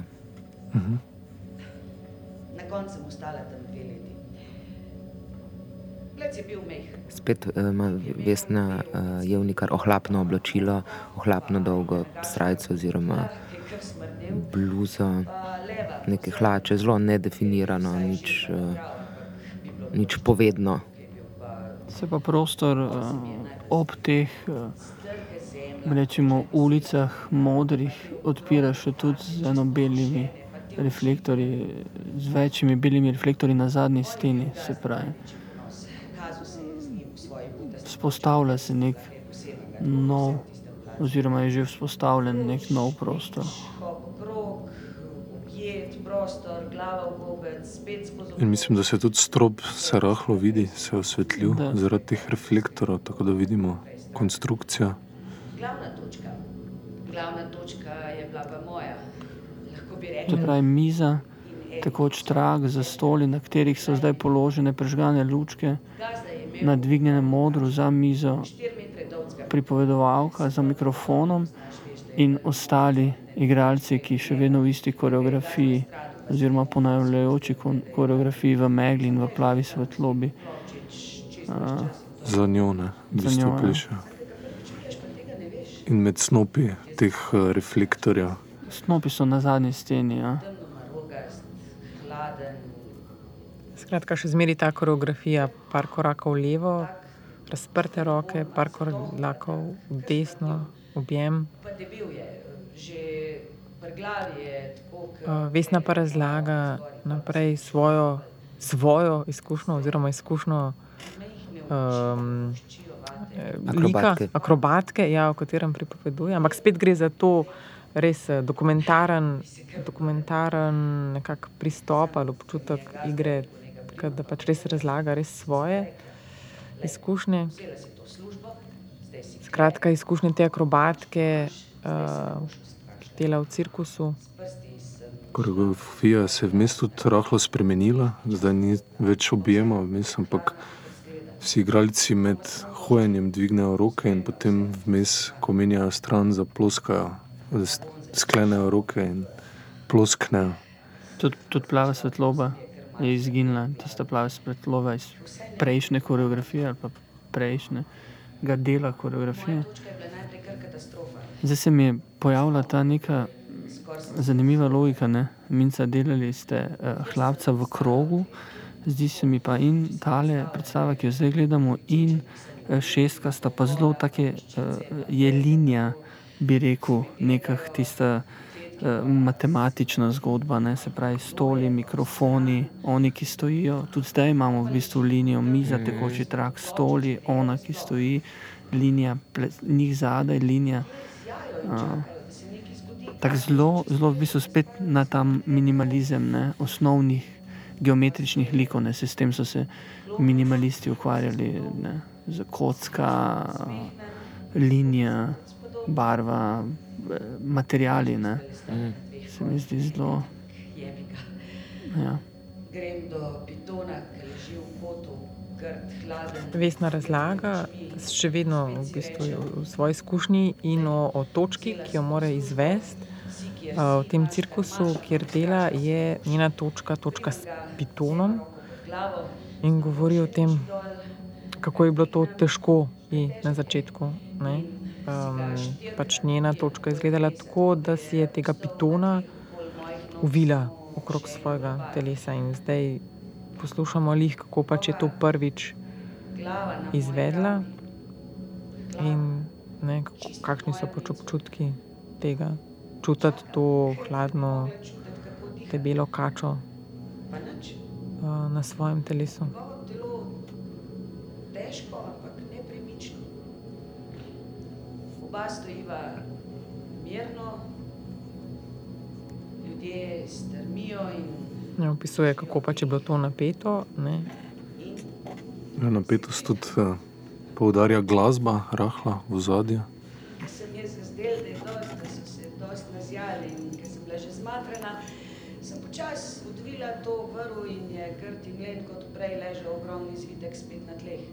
Ja, recimo, pač pr, to je zdaj tretja eh, zgodba, ki jo poslušamo, in mislim, da je to zdaj prva, ki je res podložena v vse čas s to, s to atmosfersko, neko tako misteriozno um, glasbo. Prvadila sem se ja. poslu in pitonu. Na koncu mi je bilo samo še dolg čas ne strah, ne gnus, ne mraz. Zdaj smo se premaknili v pripovedi naprej. To je bila njena točka in zdaj v bistvu večkrat, ko jo je izvajala, nekako lažje laži je bilo. Skratka, navadila se je na, na pitona, na kačo.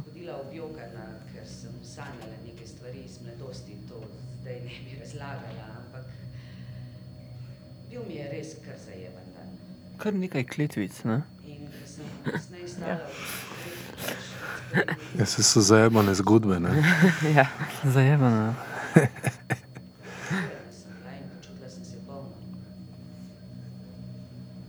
V kletki je pa smrdel še trikrat bolj zaradi te vročine. Pred kletko je bilo še kar malo ljudi, slamniki, vsi rdeči in prešvicani in grdi. Mene ta scena za malo tudi spominja na Platonovo votlino, ne? ker zadaj v bistvu samo uh, kot neke silhuete, temne, plešejo ostali igralci. Ne? Če se spomnimo pri Platonu, v bistvu vidimo samo projekcije senc na steno. Uh, in da je v bistvu prava resnica, uh, če prideš iz votline na sonce. Ne? Ampak tukaj nekako ne vidimo tega izhoda na, na svetlo. Ne? Mi smo ostajamo v, tej, v tem senčnem uh, svetu, tako uh, eno tako morbidno težko vzdušje. Ne? Ja, neka taka hitsna kombinacija ne, um, nekaj, uh, s, s to glasbo, nekaj nekako tako ustvarja to neko petost, neko težo.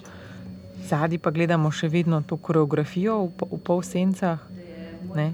Um, ona govori o, o izkušnji akrobatke v, v cirkusu. Ne, hkrati ta nek, ne vem, čutek nek tak raztegnen čas, ali v katerem momentu zdaj njo, njo poslušamo. Mislim, ta, ta koreografija kot nek tekoč trak ali pa neke, neki gibi, neki perpetuum mobile, ne? neko se zdaj.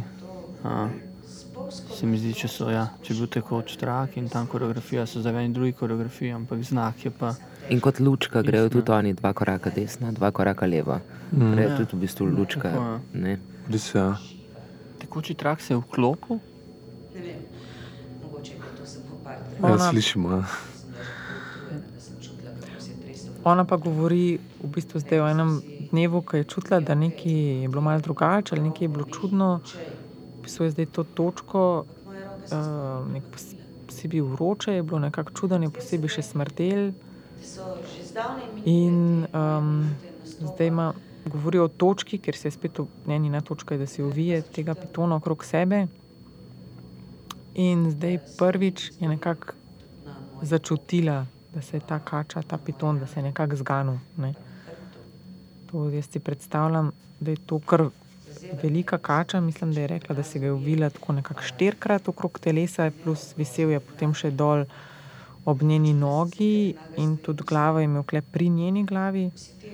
In običajno je bil ta piton pri miru, zdaj pa govori o tem, kako se čuti, da se je ta piton začel premikati in očitno stiskati. Tako da vprašanje, kako se bo zdaj to končalo. In naenkrat tudi ta koreografija, zdaj so spet malo bolj osvetljeni.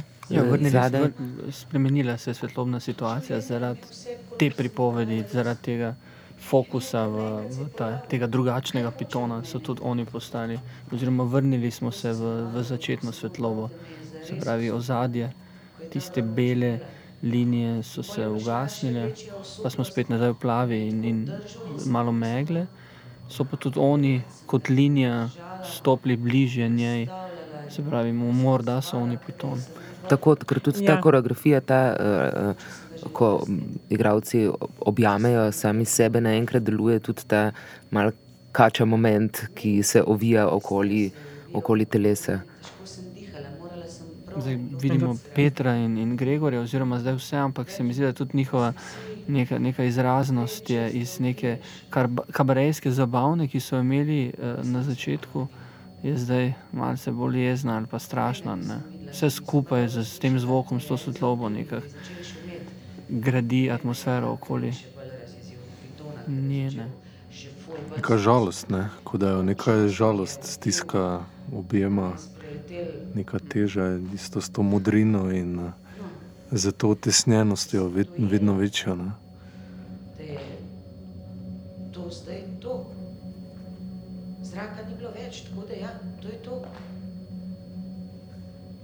Ja, in ona pravi, da je zdaj tega zraka, da je zmanjkalo ta objem, ki ga izvajo igravci, zadaj v koreografiji, res dobi ta nek drug, drug pomen. In Vesna opisuje te v bistvu zadnje neke momente um, življenja. Lebdela sem nad vsem naenkrat, nad utrujenim pozajdonom, nad poljem koruze iz mojega otroštva. Muska, glasba v zadju nekako narašča spet. Plesalci tudi spremenjajo koreografijo, ne, ampak vrača se glasba, vrača se spet tisto vzdušje, ko se je ta glasba pojavila, se pravi po očetu oziroma trikotniku. V bistvu tudi svetloba se jača, ne? kot neko v nebo vzetje, ali kako bi, kak bi rekli. Ne? Ja, izrazi na igravcih uh, se spremenjajo. Če je bilo prej bolj grozeče, je zdaj spet neko tako pretirano veselje, neka ekspresija. Tako vse se je ustavilo in kot že, že videno, obleka je padla. Tako. Nova zgodba, verjetno ali.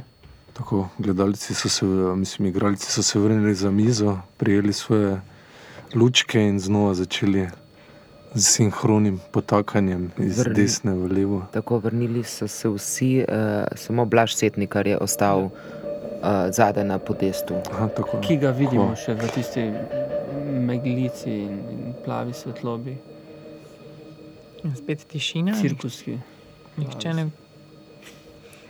In mislim, da je tempo uh, zelo hiter, tako, tempo tekočega traku. Ja, Hitrejši, ja. zagotovo kot v prejšnji. Prihajajo Mm. novi sceni. kostumi iz, iz stropa, ki še ni osvetljen, in osvetljenje. Kaj pa je tole? Zgleda kot neki crkveni kostum, neki župniški Tako, ali škofovski, celo nekaj v tem smislu, z rdečim velikim ovratnikom, pa belim ogrinjalom, pa rdečo spodnjo kiklo. Ne? Je. Marko, skorpiti Je zdaj začela govoriti Vesna, Pernarčič. Vesna Pernarčič, ki je začela uh, Marko, Marko, Marko, zbudi se. In zdaj se je oglasil Blaž, Setnikar, zadaj. In razlaga zgodbo, začne s tem, kako je sanjal. Kako je sanjal, da je na neki pojedini in v bistvu sanjal je hrano, sanjal je, je, v sanjah je bilo veliko hrane in zdaj razlaga, kaj vse je bilo okrog njega, kaj vse bi si lahko provoščil. In še vedno smo v pogovornem jeziku. Je pa neverjetno, koliko zahteva, kljub temu, da v bistvu gledamo uh, igralce, ki govorijo nam zgodbo, oziroma so v dialogu, kjer se niti zares ne gledajo, uh, oziroma v sporednih monologih, prekrivajočih se, koliko taka predstava zahteva ene so igre. Ko človek ravno ne bi rekel, ampak ta prisotnost vseh, zdaj gledamo vseeno, recimo, ne vem, nekoga, ki zdaj že eno uro tako rekoč ni spregovoril. Ampak ta koncentracija celotne ekipe na vse te opravke, ali kako bi človek rekel, na eh, ostale člane, eh, da to v bistvu deluje kot ena sinhrona gmota, um, je nujno potrebno, da ti tako predstavo lahko odigraš. Aha. Ko imaš ti, to je neverjetno, ko imaš ti monolog in ko ti čutiš, da cel sistem deluje nekako zate, je, je čist drugače, kot če tega suporta nimaš. V bistvu taka predstava zahteva noro, dosti soigre. Ravno zaradi te koncentracije um, na človeka, ki govori, ali pa pač na svoj opravek, in tudi zaupanja v to, da celota deluje. Ker tu nekako ni prostora za neke ekscesne momente vsakega, tu res mora delovati kot urica in delovati vsi. In biti vsi za. Delovati za, v tem smislu. Biti za. Pa ima ta sinhroni ritem tudi uh, to funkcijo, da poveže ta ansambl v celoto, ker se mi zdi, da se to tudi vrača, ne malo v gledališče. Tudi na Boršniku smo videli te predstave uh, od Nina Rajč, naš razred, kjer korakajo sočasno kot uh, neka ta plesna skupina ali glasbena skupina ali zbor. Ja, ja, jaz mislim, da to nekako vedno poveže ekipo na nek hecen način, ravno to, ker to zahteva enega posluha za drugega in drug za drugega, biti sočasno in nekako. Mhm, Recimo že to, da verjetno iz leve, desne daš ti v enem sinhronem ritmu te lučke, v bistvu ti moraš biti prisoten konstantno in imeti periferni vid na vse. Torej, moraš, a veš, če nekdo prehiteva, verjetno v enem momentu, če ta ne opazi, da prehiteva, moramo se vsi, je bolj važno, da, da je vse sinhronizirano, kot pa da je kdorkoli izpostavljen. In, um, Mm. in potem naenkrat lahko tudi te zgodbe, se mi zdi, fino pronicajo ven. V takem tipu no, eh, predstav, seveda. Vsaka ima kako svojo specifiko, logično, ampak Ja, včeraj po, po, po šest uh, se, se je z igralci govorilo ravno o tej količini materijala, ki ga v šestki in tudi tukaj se mi zdi, ne, vedno si igralec je- vedno je zaposlen, vedno ima neko akcijo. Ne. Se pravi, da vsi konstantno non-stop delajo. Mhm. in ker je bilo včeraj bila ta debata teh, teh emocij. No. Mm. Prosim. Ja, res se čuti ta skupina, ki skupaj, skupaj deluje. Ne? Ta skupinska pripoved, neka skupinska prisotnost. Kar smo se pogovarjali že uh, na Samo festivalu. trenutek, za Blaž Svetnikar se je tudi sedel za mizo, se je pridružil ostalim, ampak uh, še ni začel uh, po- podajati svoje lučke iz roko v roki. Uh, prosim, ja, Minca. Uh, ne, da smo se že na festivalu uh, Bošnjakovo srečanje v teh uh, komentarjih pogovarjali, k- mislim, da je bil dvakrat zastopan kranski ansambl, koliko ima tudi kranski ansambl, uh, doskrat tudi te skupinske uh, neke dinamike na odru in se to zagotovo tudi z leti, s predstave v predstavo nekako pozna. In um, zelo sinhrono deluje ta ansambl na odru, ko zahteva od njega ekipo, kot zahteva predstava ekipo. Ker tu v bistvu mislim, da so razen Darja sanj. vsi. Pa Zorca ni, ne? Ne, ampak uh, Zorc je gost. A ja, točno. Ja. Tudi je Zorc bil že parkrat gost v, v kranskem ansamblu. nič jim nisem prišparal. Da ne slišiš, da zvoni. No, ker smo omenili prej naš razred, pa je tudi uh, v bistvu zelo podobna zasedba, ne? če se prav spomnim. Aljoša tudi igra, pa, Aljoša, Obe Vesni. Vesna, obe- Koprodukcija je. pa Musevski, mislim, da tudi. Ne? Krajskim. Se pravi, ta ansambl je. Mhm. Se kranjski ansambl je relativno majhen. Majhen, Ne, ja, mislim, ja. da, so, ja, da je to kar skoraj celoten ansambl, kar gledamo na odru. Mm. Ja. Bilo je Ja, zgodba, o kateri pa govori Blaž, Blaž Setnikar, govori o, o Marku. Um, ne, začel je s temi um, sanjami, ker je sanjal vso to hrano, uh, kar ni zdaj na ključno, uh, ker je pač to pomankanje hrane, je, je ključna sestavina um, Markovega življenja. Ne, recimo, ko se je zbudil, um, je lahko pojedel samo pač kos, kos kruha. Uh, drugače pa situacija danes v tej zgodbi posebna ta, ker uh, bo Marko je ta, ki bo nosil križ. Uh, procesija bo um, iz vasi, kjer prebiva Marko z, prav svojo mamo in svojimi tremi mlajšimi uh, sestricami. Torej, ta obleka, ki jo smo na, začetku te zgodbe videli kot ministrantska obleka. Ja, ja Marko, Marko je ministrant. Marko je ministrant in doletela ga je ta, ta čas, da bo danes nosil, da bo hodil na, na čelu procesije, nosil bo uh, križ. Je pa to danes zelo vroč dan, uh, vroče je, uh, treba bo hoditi, mislim, da nekje dve, dve ali tri ure, tudi v hrib. In zdaj, ne, verjetno za tako pot rab človek um, dosta energije, pa biti primerno hranjen. Kar je pa zdaj tukaj vprašanje, če Marko je. Ne.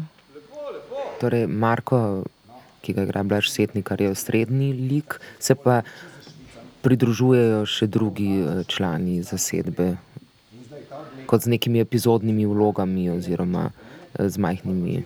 Um, Ja, Blaž je, Blaž govori, uh, Blaž je Marko, uh, Blaž Sitnikar je Marko, Vesna Bernarčič um, je njegova mama. Uh, v glasu se je tudi Aljoša Trnovšek, ki je uh, mlad, mlad župnik, zdaj nov. pa prej še Gregor Zorc. Ja, ki pa je tudi eden od uh, ne vem, cr crkovnih. Procesija. A, nekdo. Jaz vam pa danes kar takrat, Se pravi, situacija je, da sedijo za mizo, premikajo lučke. A, mati in sin sta osvetljena na levem delu oziroma desnem delu mize z, z belo svetlobo, ostali pa v eni malce plavi, hladnejši, ki se tudi ponovi v, v ozadju za mizo, kjer visi uh, ministrantova obleka. In če so prej, ko so uh, govorili v prvi zgodbi, Ankini zgodbi, igravci takrat, ko so govorili, lučko vzeli, dali predse, je zdaj vse čas lučke potujejo po tekočem traku, spet iz roke v roko, razen Blaževe, je edin, ki ima lučko pred sabo.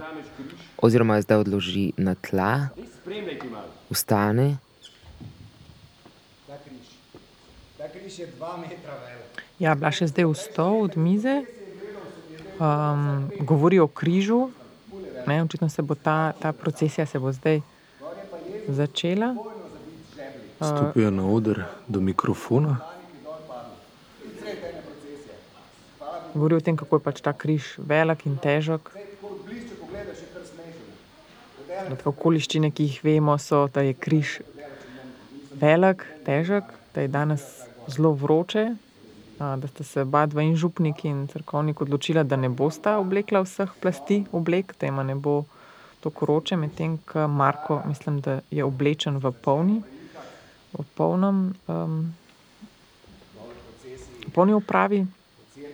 In zdaj je Blaž prinesel, medtem ko govori o tem, kako je šel po križ, je šel po mikrofon in drži mikrofon.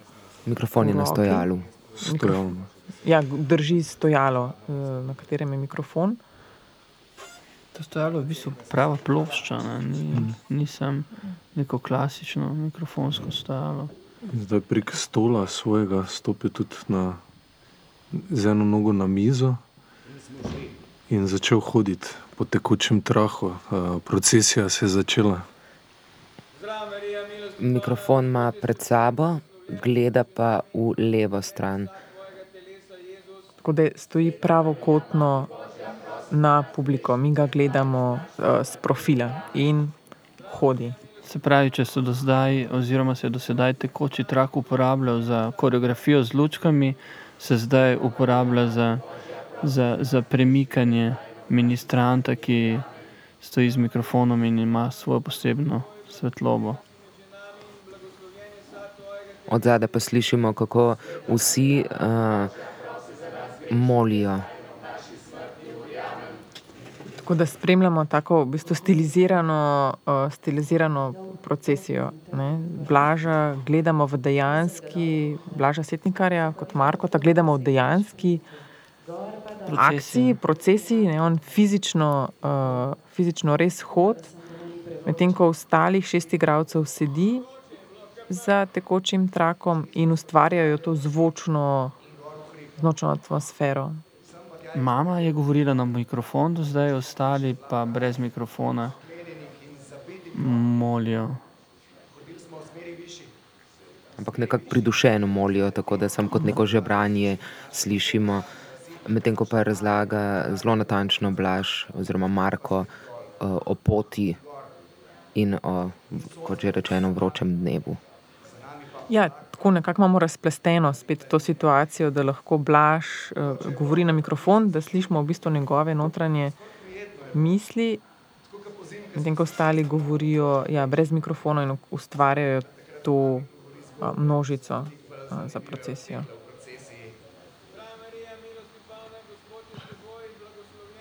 Spet zanimiva situacija, v bistvu, kaj gledamo, kaj vidimo pred sabo, o čem pa se govori in kako si mi to predstavljamo. Ne? Lahko zelo nekako prepuščeno domišlji, da gledamo mi to pot, a, po kateri hod, hodijo. Mislim, da se je zdaj tudi tekoči trak pospešil, da je Blaž mogel pospešiti korak. Eh, Zdaj se je pa tudi oglasila njegova mama, ki znova na mikrofon razlaga svoje občutenja ob tej procesiji. In kako je občudujoče gledala sina in eh, s ponosom. Čez dva meseca gre v latinsko šolo v mesto. Tako sem srečna, ko na to pomislim. Moj fant v velikem mestu nos knjige. Enkrat mi je na govorilnik dal učitelj Markotov spis za prebrati. Mene je bilo pa sram, ker ne znam brati, pa sem sam strnela v črke, on me je pa gledal. Joj, take lepe črke piše. Res, mislim, ne vem, če vsak tako piše, ampak res take lepe zavojčke, pa take pike, ker bi jih odmeril.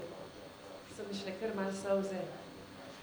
No in na koncu me učitelj vpraša, lepo piše, a ne? Blaž še vedno hod.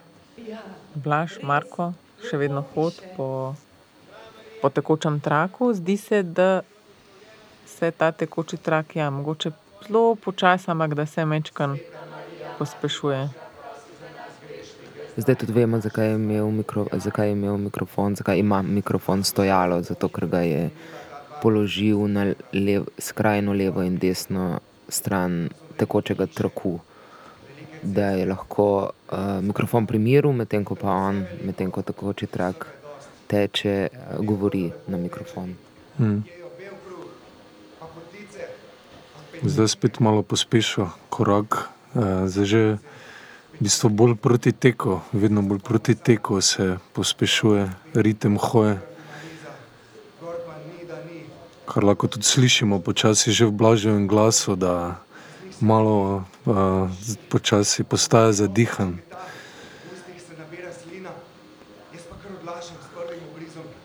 In govori pa tudi o tem, kako si zdaj predstavlja, spet govori o hrani, kako si predstavlja, uh, zdaj ne vem, mogoče o tem, kar bo pol na koncu jedel, ali o sanjah, nisem prepričana, ampak o, o hrani in si predstavlja, kako ko bi zagrizel v jabolko, kako bi zagrizel v potico, ko ima suha usta. Skratka, neka ta napetost je med tem, očitno je fant res lačen, je pa to vroč dan in pot postaja če dalje bolj naporna. Hkrati pa se po, pospešuje tudi ta tekoči trak in ja, tudi za blaža, prav dejansko v tem realnem času postaja verjetno to um, ja, če dalje bolj intenzivna izkušnja. Hmm. Mi si tudi uh, govoril, da, da bi samo kozarec vode, maša se pa nadaljuje. Ne, v bistvu. In tudi prej, že na začetku, je bil v bistvu zatrt strani župnika in crkovnika, da se nima kaj pritoževati, ne, glede na to, na kateri poziciji je. Tako da v bistvu je del te procesije in zdaj nima, čeprav je žejn in lačen, iz nje izhoda in more ta križ dvometrski nositi in si ne upa in ne more stopiti iz te procesije, da bi se vse malo osvežil, da bi uh, se malo okrepčal.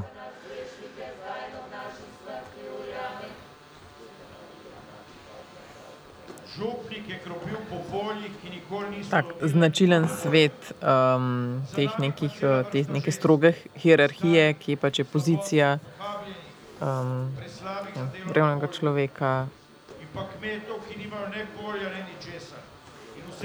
Zdaj smo že v približno uri 40 predstave, kar je že verjetno za koncentracijo igralcev naporno, ravno zaradi te natančnosti, zaradi teh konstantno menjujočih se ritmov, načinov pripovedovanja, samih besed. Ne? Ja, in še vedno ostajajo zelo natančni, kdo je zdaj, ne, kdo ima monolog, potem kako se vključijo vsi ostali, spet je ta neka, kot sem že rekla, ta neka zborovska, natančno določena, neka struktura, zvočna, kako ustvarjajo z glasovi skupino. Ja.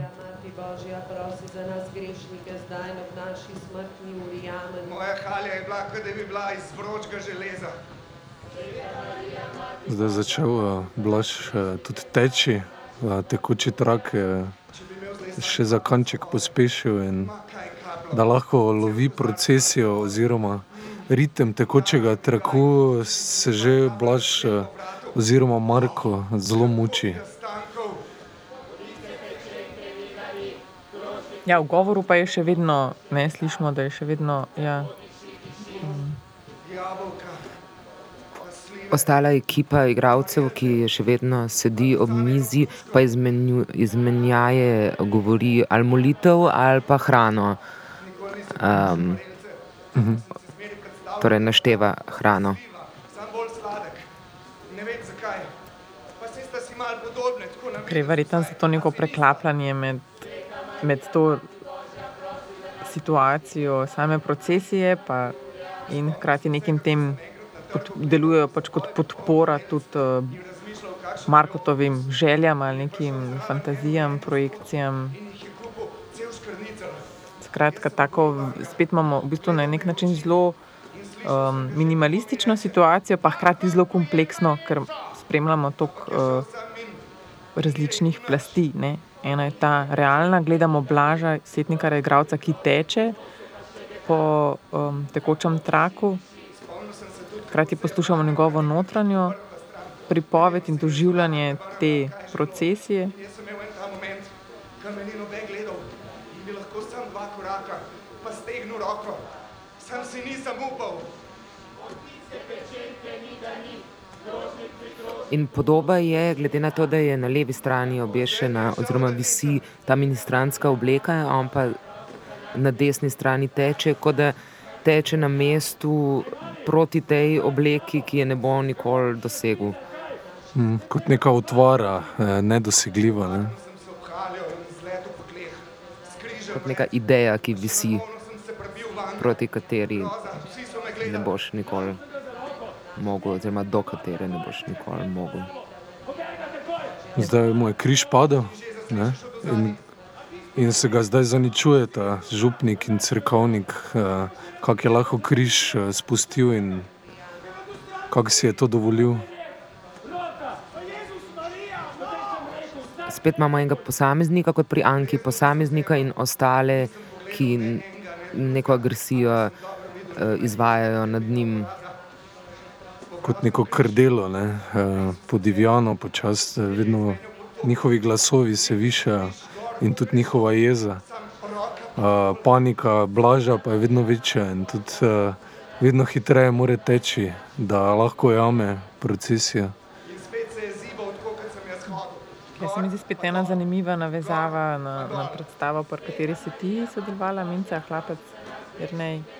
Um, ker imamo spet, gledamo Blaža, ki je v bistvu, um, gledamo Blaža, ki je fizično zelo aktiven, ampak teče na mestu. Ne? In vi ste tudi, v bistvu, ko ste vrteli ta um, v krogu, ste bili tudi v bistvu, vi, mislim, smo pri vas videli en tak velik napor, veliko vložene energije, ampak hkrati spet je bilo vrtenje na mestu. Tako. Um, tako da se mi zdi zanimivo, zanimiva ta estetika, s katero se žiga ukvarja, v bistvu ta neka dvojnost. Um, um,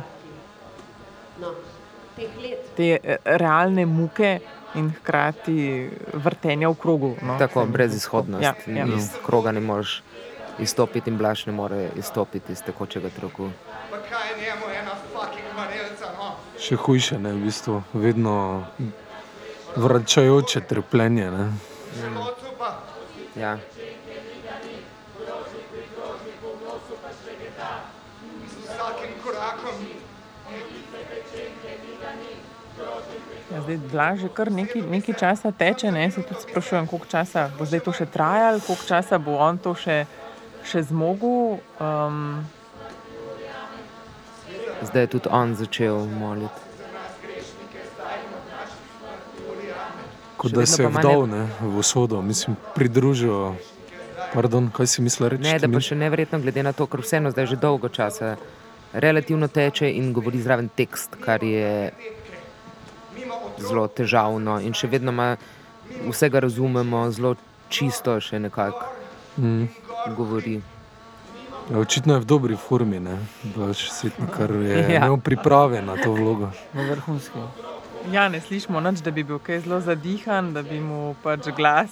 V bistvu je tako, nekako spet ta, da bi bila njegova glava. Ne, sem gledamo telo, ki teče, njegova glava v njegovem glasu, pa v bistvu, da ni to zdaj njegovo telo. Ne, da je, Ja, tudi glava je samo osvetljena. ne. Tudi se mi zdi, da se je vmes spremenilo, da telo je v svetlobi, ostale scene, zdaj pa je samo njegova glava osvetljena, oziroma zgornji del telesa. Če bi se mi par kapelj razlil po vratu.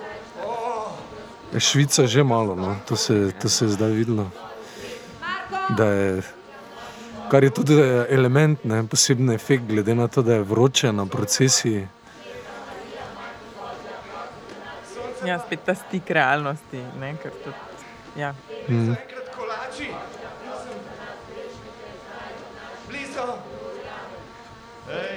Zdaj pa govori v mikrofon Peter Musevski, ki je igral njegovega očeta. V bistvu ga obkrožata njegova mama in oče, eh, Peter Musevski na levi in Vesna Pernarčič na desni. On pa med njima teče, kar se mi zdi, da je tudi neka simbolika, ne? nek trikotnik eh, med njimi. Zagotovo ni slučajno. Mm. In trak se je ustavil. Enkrat sem, enkrat sem ministriral z župnikom gor na planini. To je ena podružnica naše cerkve. Trak se je ustavil, blaž se je tudi ustavil, zdaj slišimo, da je malo zadihan, vse je. In to je res zelo, zelo delač, kar zahoditi. In razlaga zdaj v neki drugi izkušnji, nekem spominu, um, ki je tudi ministriral. In spet razlaga neko izkušnjo, neko drugo izkušnjo, ki je tudi bil žejen in lačen in je upal, da bo dobil kaj za jesti.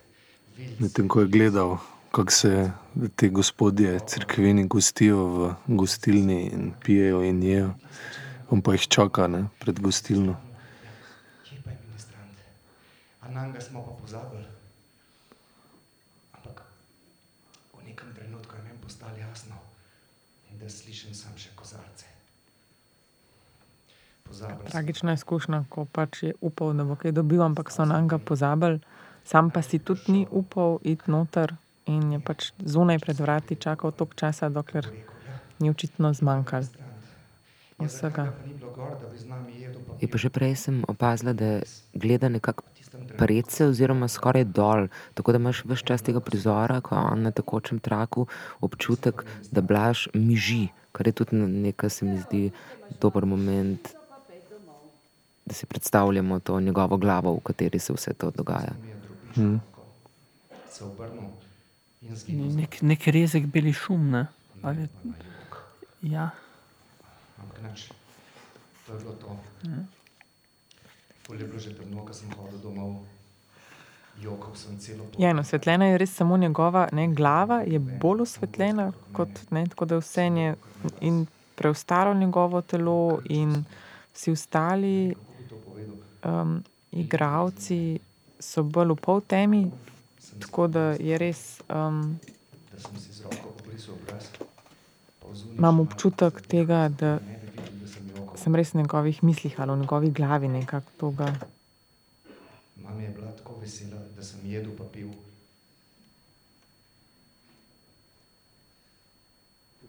Zdaj, tragika te zgodbe se nadaljuje. Ne? On še vedno razlaga kako je potem po tej, tej situaciji, kjer so ga pozabili na njega, kako se je vrnil domov in so ga doma, ne, ga je mama sprašvala, kaj pa si jedel, kaj pa si dobil za jesti. In on ni hotel razočarati te, te ja, družine, ne mame, ne sestrc.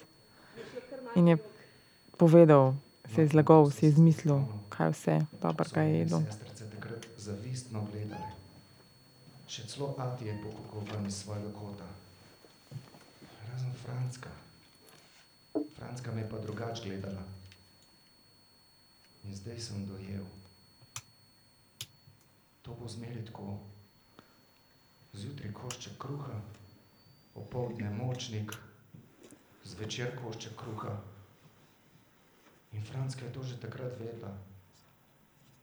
In meni je to tudi zdaj jasno čist zmeri, bo mami sedela v kuhinji z obrazom skritim v dlani in solze ji bojo tekle.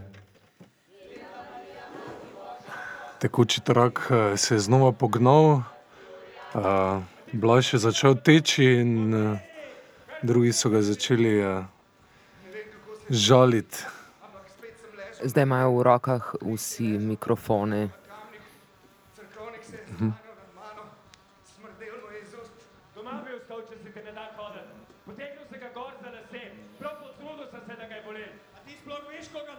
Očitno je Blaž eh, Marko padel za križem in uh, se zdaj znašel pod plazom psovk, uh, kak je lahko spustil Jezusa. Dvignil sem Kristusa visoko, visoko, da se je spet lahko razgledal po tej naši bedni pokrajini. Cel sem se tresel, na sebi sem pa čutil te štiri oči, kako me gledajo ko jastrebi. Mimo otrok pomazanih srajčkah, mimo sključenih žensk, gor, gor in gor v hrik. Spet to kar že nekaj časa traja in ta atmosfera ne, tega se, je tako minimalistična, pa zelo konstantna. Ne. Se mi zdi tudi to vprašanje časa, trajanja, um, ne, žiga in ekipa tako res vztraja, mislim, odnos do časa, do trajanja, vice, da se pač tukaj ukvarja z držanjem ne, te atmosfere, intenzivne. Um, In intenzivno se zdaj tudi stopnjuje.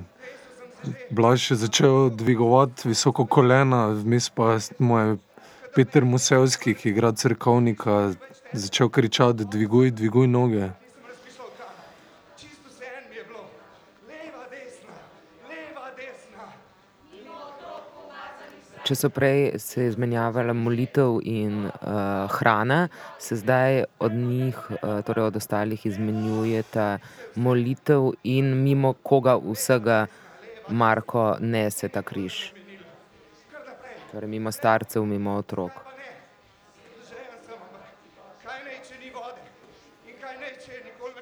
Blaž zdaj teče že, ne vem, to, to zdaj že traja kakšnih 10, 15 minut, 10, 15, 20 minut. Vmes ga je Vesna Prnarčič, torej mama, vpra- vprašala, kaj je jedel.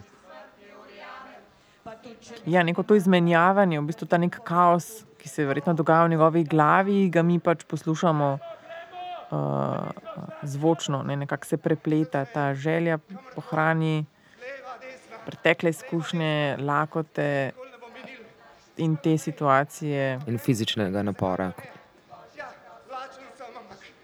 Ja, tako procesije te imaginarnega fizičnega napora, kot tega realnega napora, o katerem zdaj gledamo Blaža, ki zdaj že njegova, njegov način teka se je zdaj spremenil. Ne? Mogoče, če je bil na začetku, če je bila hoja ne, sproščena, potem tek je tudi, če je bil sproščen, zdaj že drugače dviguje roke, noge, tudi mogoče v glasu čutimo, slišimo več ene zadihanosti.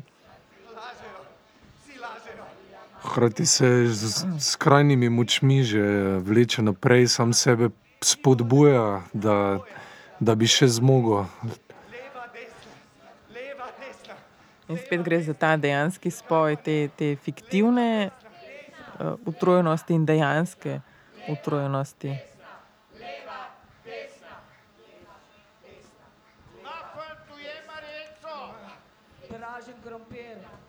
Zdaj na mesto molitve slišimo leva, desna, leva, desna. Je.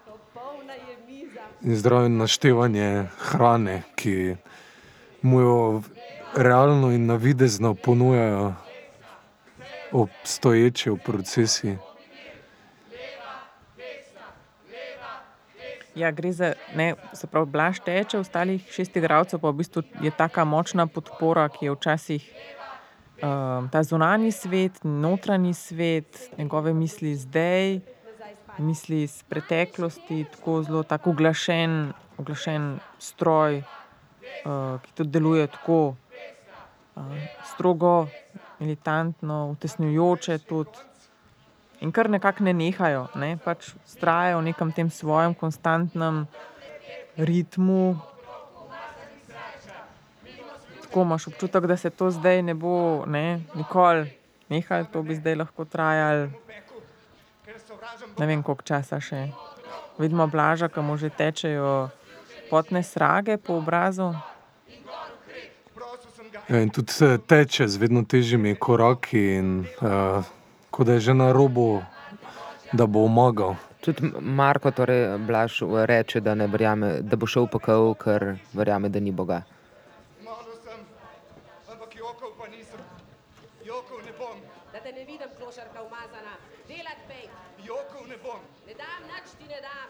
Samo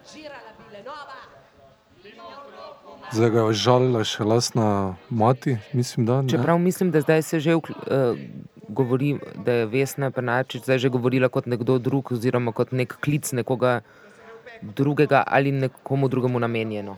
Ja, mislim, da se te ostalih šest igralcev se tako zelo izmenjuje, uh, včasih v, v vlogah ja, uh, mame ali pa očeta ali pa župnika ali pa crkovnika, včasih pa zastopajo glasovno um, njegove spomine, neke druge ljudi. Um,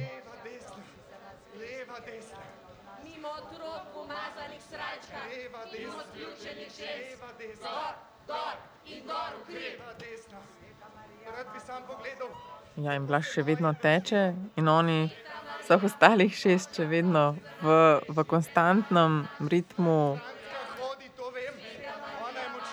Že že ene pol ure, ne? po mojem, enih deset km je ziger že prelaufal, bi bi lahko tako ocenili.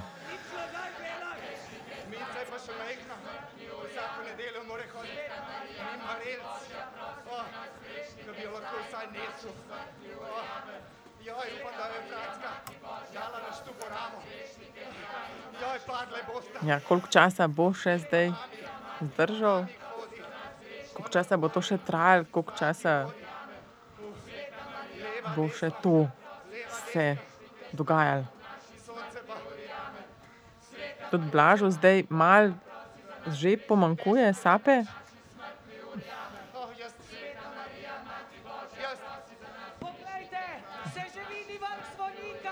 Uh, in zdaj očitno se že vidi vrh hriba, torej konec te muke. In mislim, da je še pospešil trak. Ja, vidi Ja. se, vidi se, ne, ta konc, ampak nismo pa še tam. Ne. Blaž je zdaj še začel vmes eh, gestikulirati z rokami, tako da govori, gestikulira in teče zdraven. Da Ja. svaka čast. No. Stop. Trak se je ustavil, Blaž stoji, slišimo samo njegovo dihanje. Obrnil sem se nekako, da bi stekel do mojih. Govo, prej govoril o nekem prepadu, nek prepad je bil. Sonce je bilo, vroče je bilo in Prepad je videl, Marko. spotaknil sem se in sem z glavo preletel. Prav, da je bil tam nek kamen, katerega se je spotaknil in z glavo zadev ob, Hišo tam zraven ob kamen. Očitno je bilo zelo hudo, ker so ga odnesli, nekako prekinili so to zdaj procesijo, ga odnesli do bližnjega kmeta in tam je potem umrl. Zdaj je tudi obleka ministranska padla z, z stropa in se je tudi eh, svetlobna situacija spremenila. Pa mislim, da je nekdo lučko razbil svojo, kar je neko st- steklo. Nek zvok ozadju, stekla je bil, pa ne a, vemo, če je to razbitega. zdaj slučajno ali, ali namerno. Ja, lahko bi bilo oboje. Ne? Ja, mislim, da se je blaževa lučka ne, razbila. Razbila tako. Kar je mogoče na smrt celo logično. Ne? Mm. Zdaj se je po, je pojavila nad vzorcem obleka. Vzorc je tudi osvetljen. Se pravi, nova zgodba. Ne?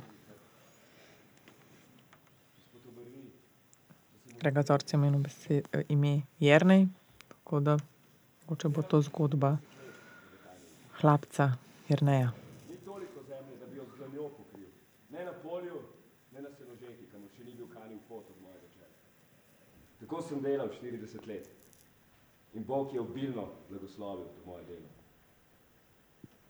Pa je umrl stari sitar, pa je prišel sin njegov, negodnik. In je rekel, prešerni pijanosti je rekel Jernej, zdaj poveži cule in pojdi. Zakaj Jernej, zdaj sem jaz gospodar. Zdaj smo spet v zborni slovenščini, tako kot na začetku. Torej pred, tudi iz tega nekako predvidevamo, da, predvidevamo, da je to verjetno zadnja zgodba. Uh, torej smo spet v klasični slovenščini, oziroma v cankarjevi slovenščini. In tudi očitno, da je hlapec verni.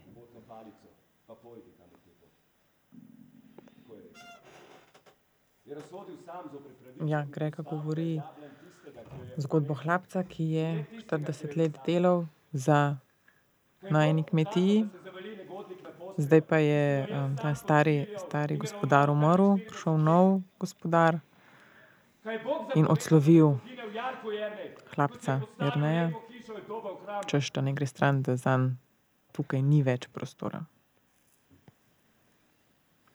Oziroma je hlapec Jernej po neki njegovi logiki oziroma logiki pravice predvideval, da bo to zdaj pripadlo njemu, glede na to, da je on 40 let za to delal, medtem ko sin ni.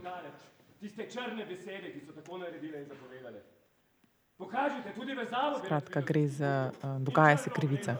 Mm.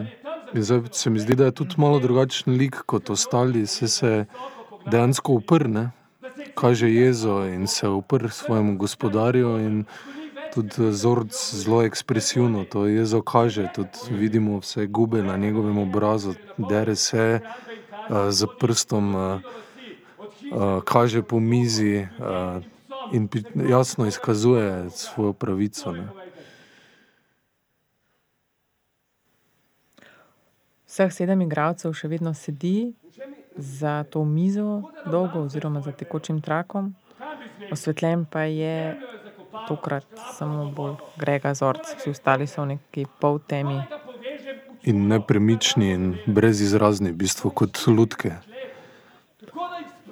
Trak se ne premika, in tudi te lučke stojijo uh, pri miru. Te lučke, ki jo ima vsak pred seboj. Je pa moška obleka, ki je nad njim, uh, ima povezano pa tudi culo, ker vseeno hlapec ne gre iskati to svojo pravico. Hmm. Povejte, če je to samo toliko tednov, samo toliko ur, da je ta cula obilno plačilo. Zdaj, če se spomnimo na sam začetek predstave, je bil tudi um, Grega Zorc, ta, ki je imel ta nek tem, prolog, uvod. Ne? Če se spomnimo na začetek predstave, vseh šest igralcev je sedel že za trakom. Grega Zorc je prišel na zadnje in je na mikrofon zadaj za njimi imel prolog ali nek uvod, in zdaj pa spet poslušamo njega, tako da mogoče je ta paska minca, da se mogoče približujemo koncu predstave, ima neko to strukturo, ki jo drži. Hmm. Grega ali je Bog na moji strani, ali je na strani piričev in krivičnih. Ja, res govori zelo, zelo ekspresivno, um, s pestjo kaže, s prstom kaže. Neko razburjenost. No? Zdaj smo že, gremo v tretjo uro predstave. Torej, po vsem tem, kar je bilo zdaj, tisoč in en detajl, še zdaj povedati to zgodbo. Um, Bravo, Gregor. Bravo, Gregor. In ostali seveda. In cela ekipa. Ja. Dve uri traja že predstava in vsi so vse čas na odru, nobene pauze, se niso mogli prvoščati, ker kot praviš, minca ta koncentracija, ki si na odru, nekako ne moreš popustiti, ne, ne mm. moreš sploh. Ja.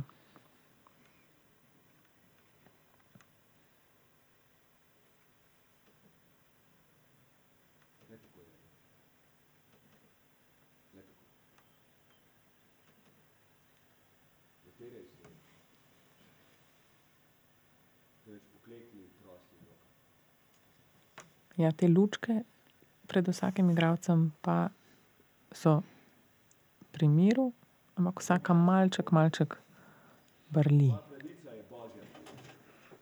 Kar je ustanovil, ne bo razdelil.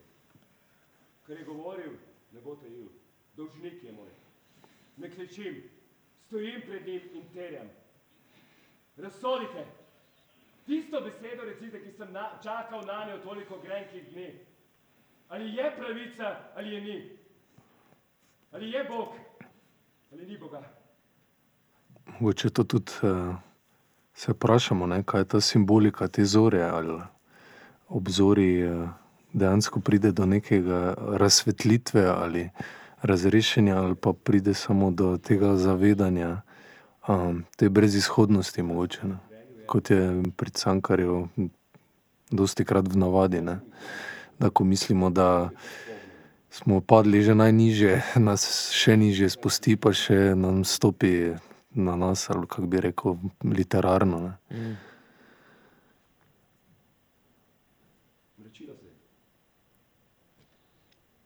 Polja so se vračali kmetje in posli. Takrat se je prikazal petelin na siteri strehi. Rdeč in tenak je švignil visoko proti nebu. In zdaj grega šel do točke v zgodbi, kjer je uh, ta kmetija zagorela. Na Pač bliža se, na šupi, na obeh kozovcih. Veliki. ja, opisuje ogenj, ta kmetija je zagorela.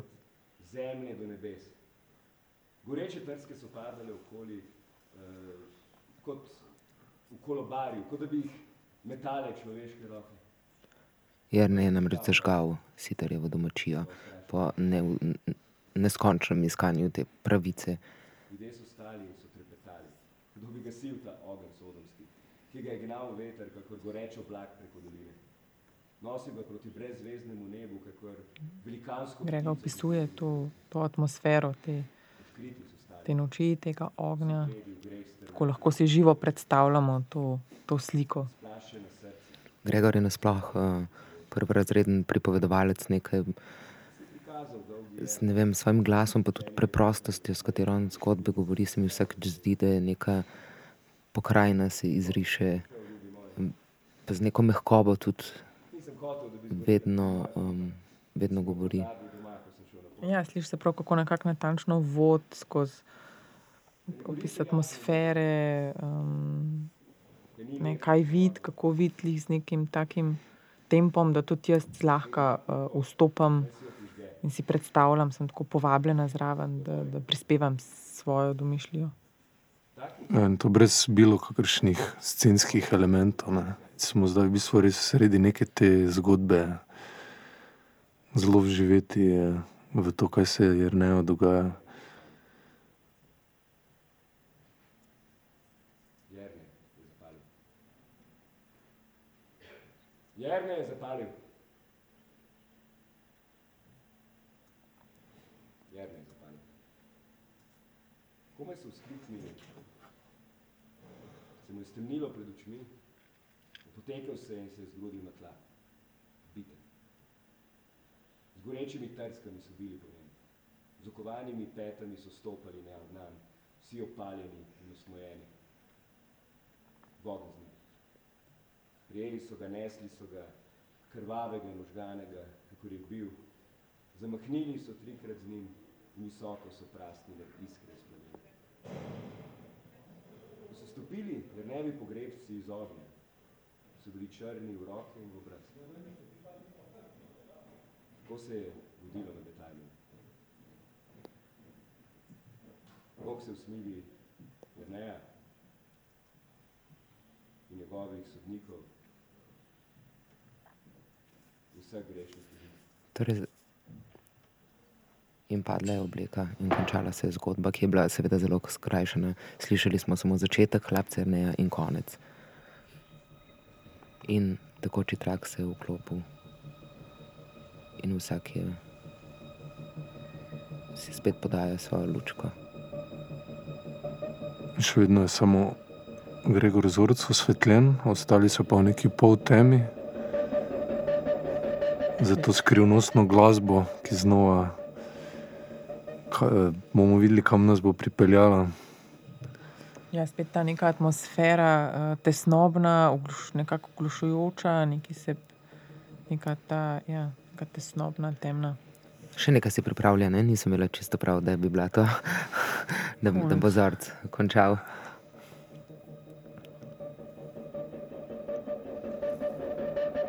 Ja, je taka napetost, napetost v zraku, je čutiti. Ponavljajoča koreografija spet. Ja, identična slika, ne? mislim, identična v, v akciji kot na začetku. Ne? Se pravi, sedem igralcev. Malo se že motijo po dveh urah. Ritem, ritem se mal spremenja teh lučk. Aha, in Pojavili so se za njimi vsi kostumi ali pa novi v eni liniji, več jih je. V bistvu iz eh, tistega obdobja, iz začetka stoletja, neki starinski kostumi. In še prihaja nova linija obešenih kostumov oziroma oblek.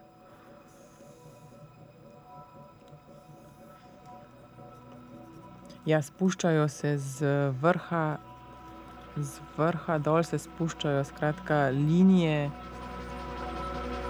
Um, pravi, na, na, na cugu je oblečenih, obešenih v eni vrsti tako dva, štiri, šest, osem, deset, dvanajst, štirinajst, nekje petnajst, petnajst oblek. In še tretja linija oblek prihaja.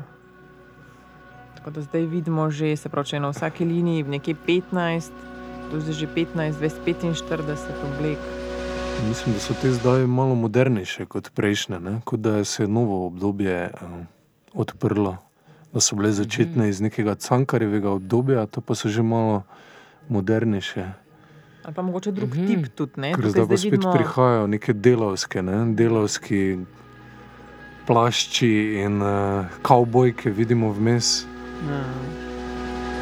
Tak, tak zid iz oblek um, se gradi. Tudi ta glasba je vsakeč, se mi zdi, še eh, glasnejša. Hmm. Vsakeč, ko ona narašča, se pojavijo potem tudi obleke. No in za konec še rumeni jopiči, ne, ki bi lahko rekli, da je kot neka asociacija na francoski, francoske opore, a, kjer so vse te različne obleke odete v rumene jopiče. Torej, res množstvo stena, zid, oblek. Ja, kar nekako kaže, na to, da je teh zgodb. Ne, če smo prej pri vsaki zgodbi, ki so jo govorili, imeli priložnost gledati eno obleko ali pa dve, par. In če zdaj tukaj gledamo, vidimo, da je teh zgodb, teh ljudi, tega je še več in še več in še več. In, In v vsakem zgodovinskem obdobju. Ne. Zdaj se je tudi tekoči trak ustavil in Aha, in igralci luč- gledajo publiko, luč v luč se je spremenila in osvetlila publiko v bistvu. In zdaj ugasnila in celotno gledališče je v temi. Razen par lučk, ki se je začelo svetlikati v zadju. Nekaj se svetli. Nad uh, linijo, zelo više nad linijo mize. Se izpisuje napis. Zora. Zora. Torej, v temi gledamo osvetljeni napis Zora. In samo te brleče lučke, ki pa Ki so tudi se ugasnile. ugasnejo.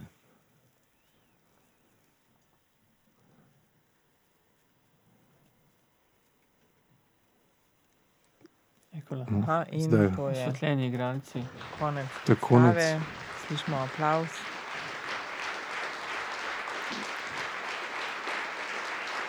In to je to. eh, Videli smo zaključni priklon gledalcev in aplaus. eh, Hvala, da ste bili z nami. eh, Prisluhnite nam tudi jutri, ko bomo komentirali naslednjo predstavo tedna slovenske drame.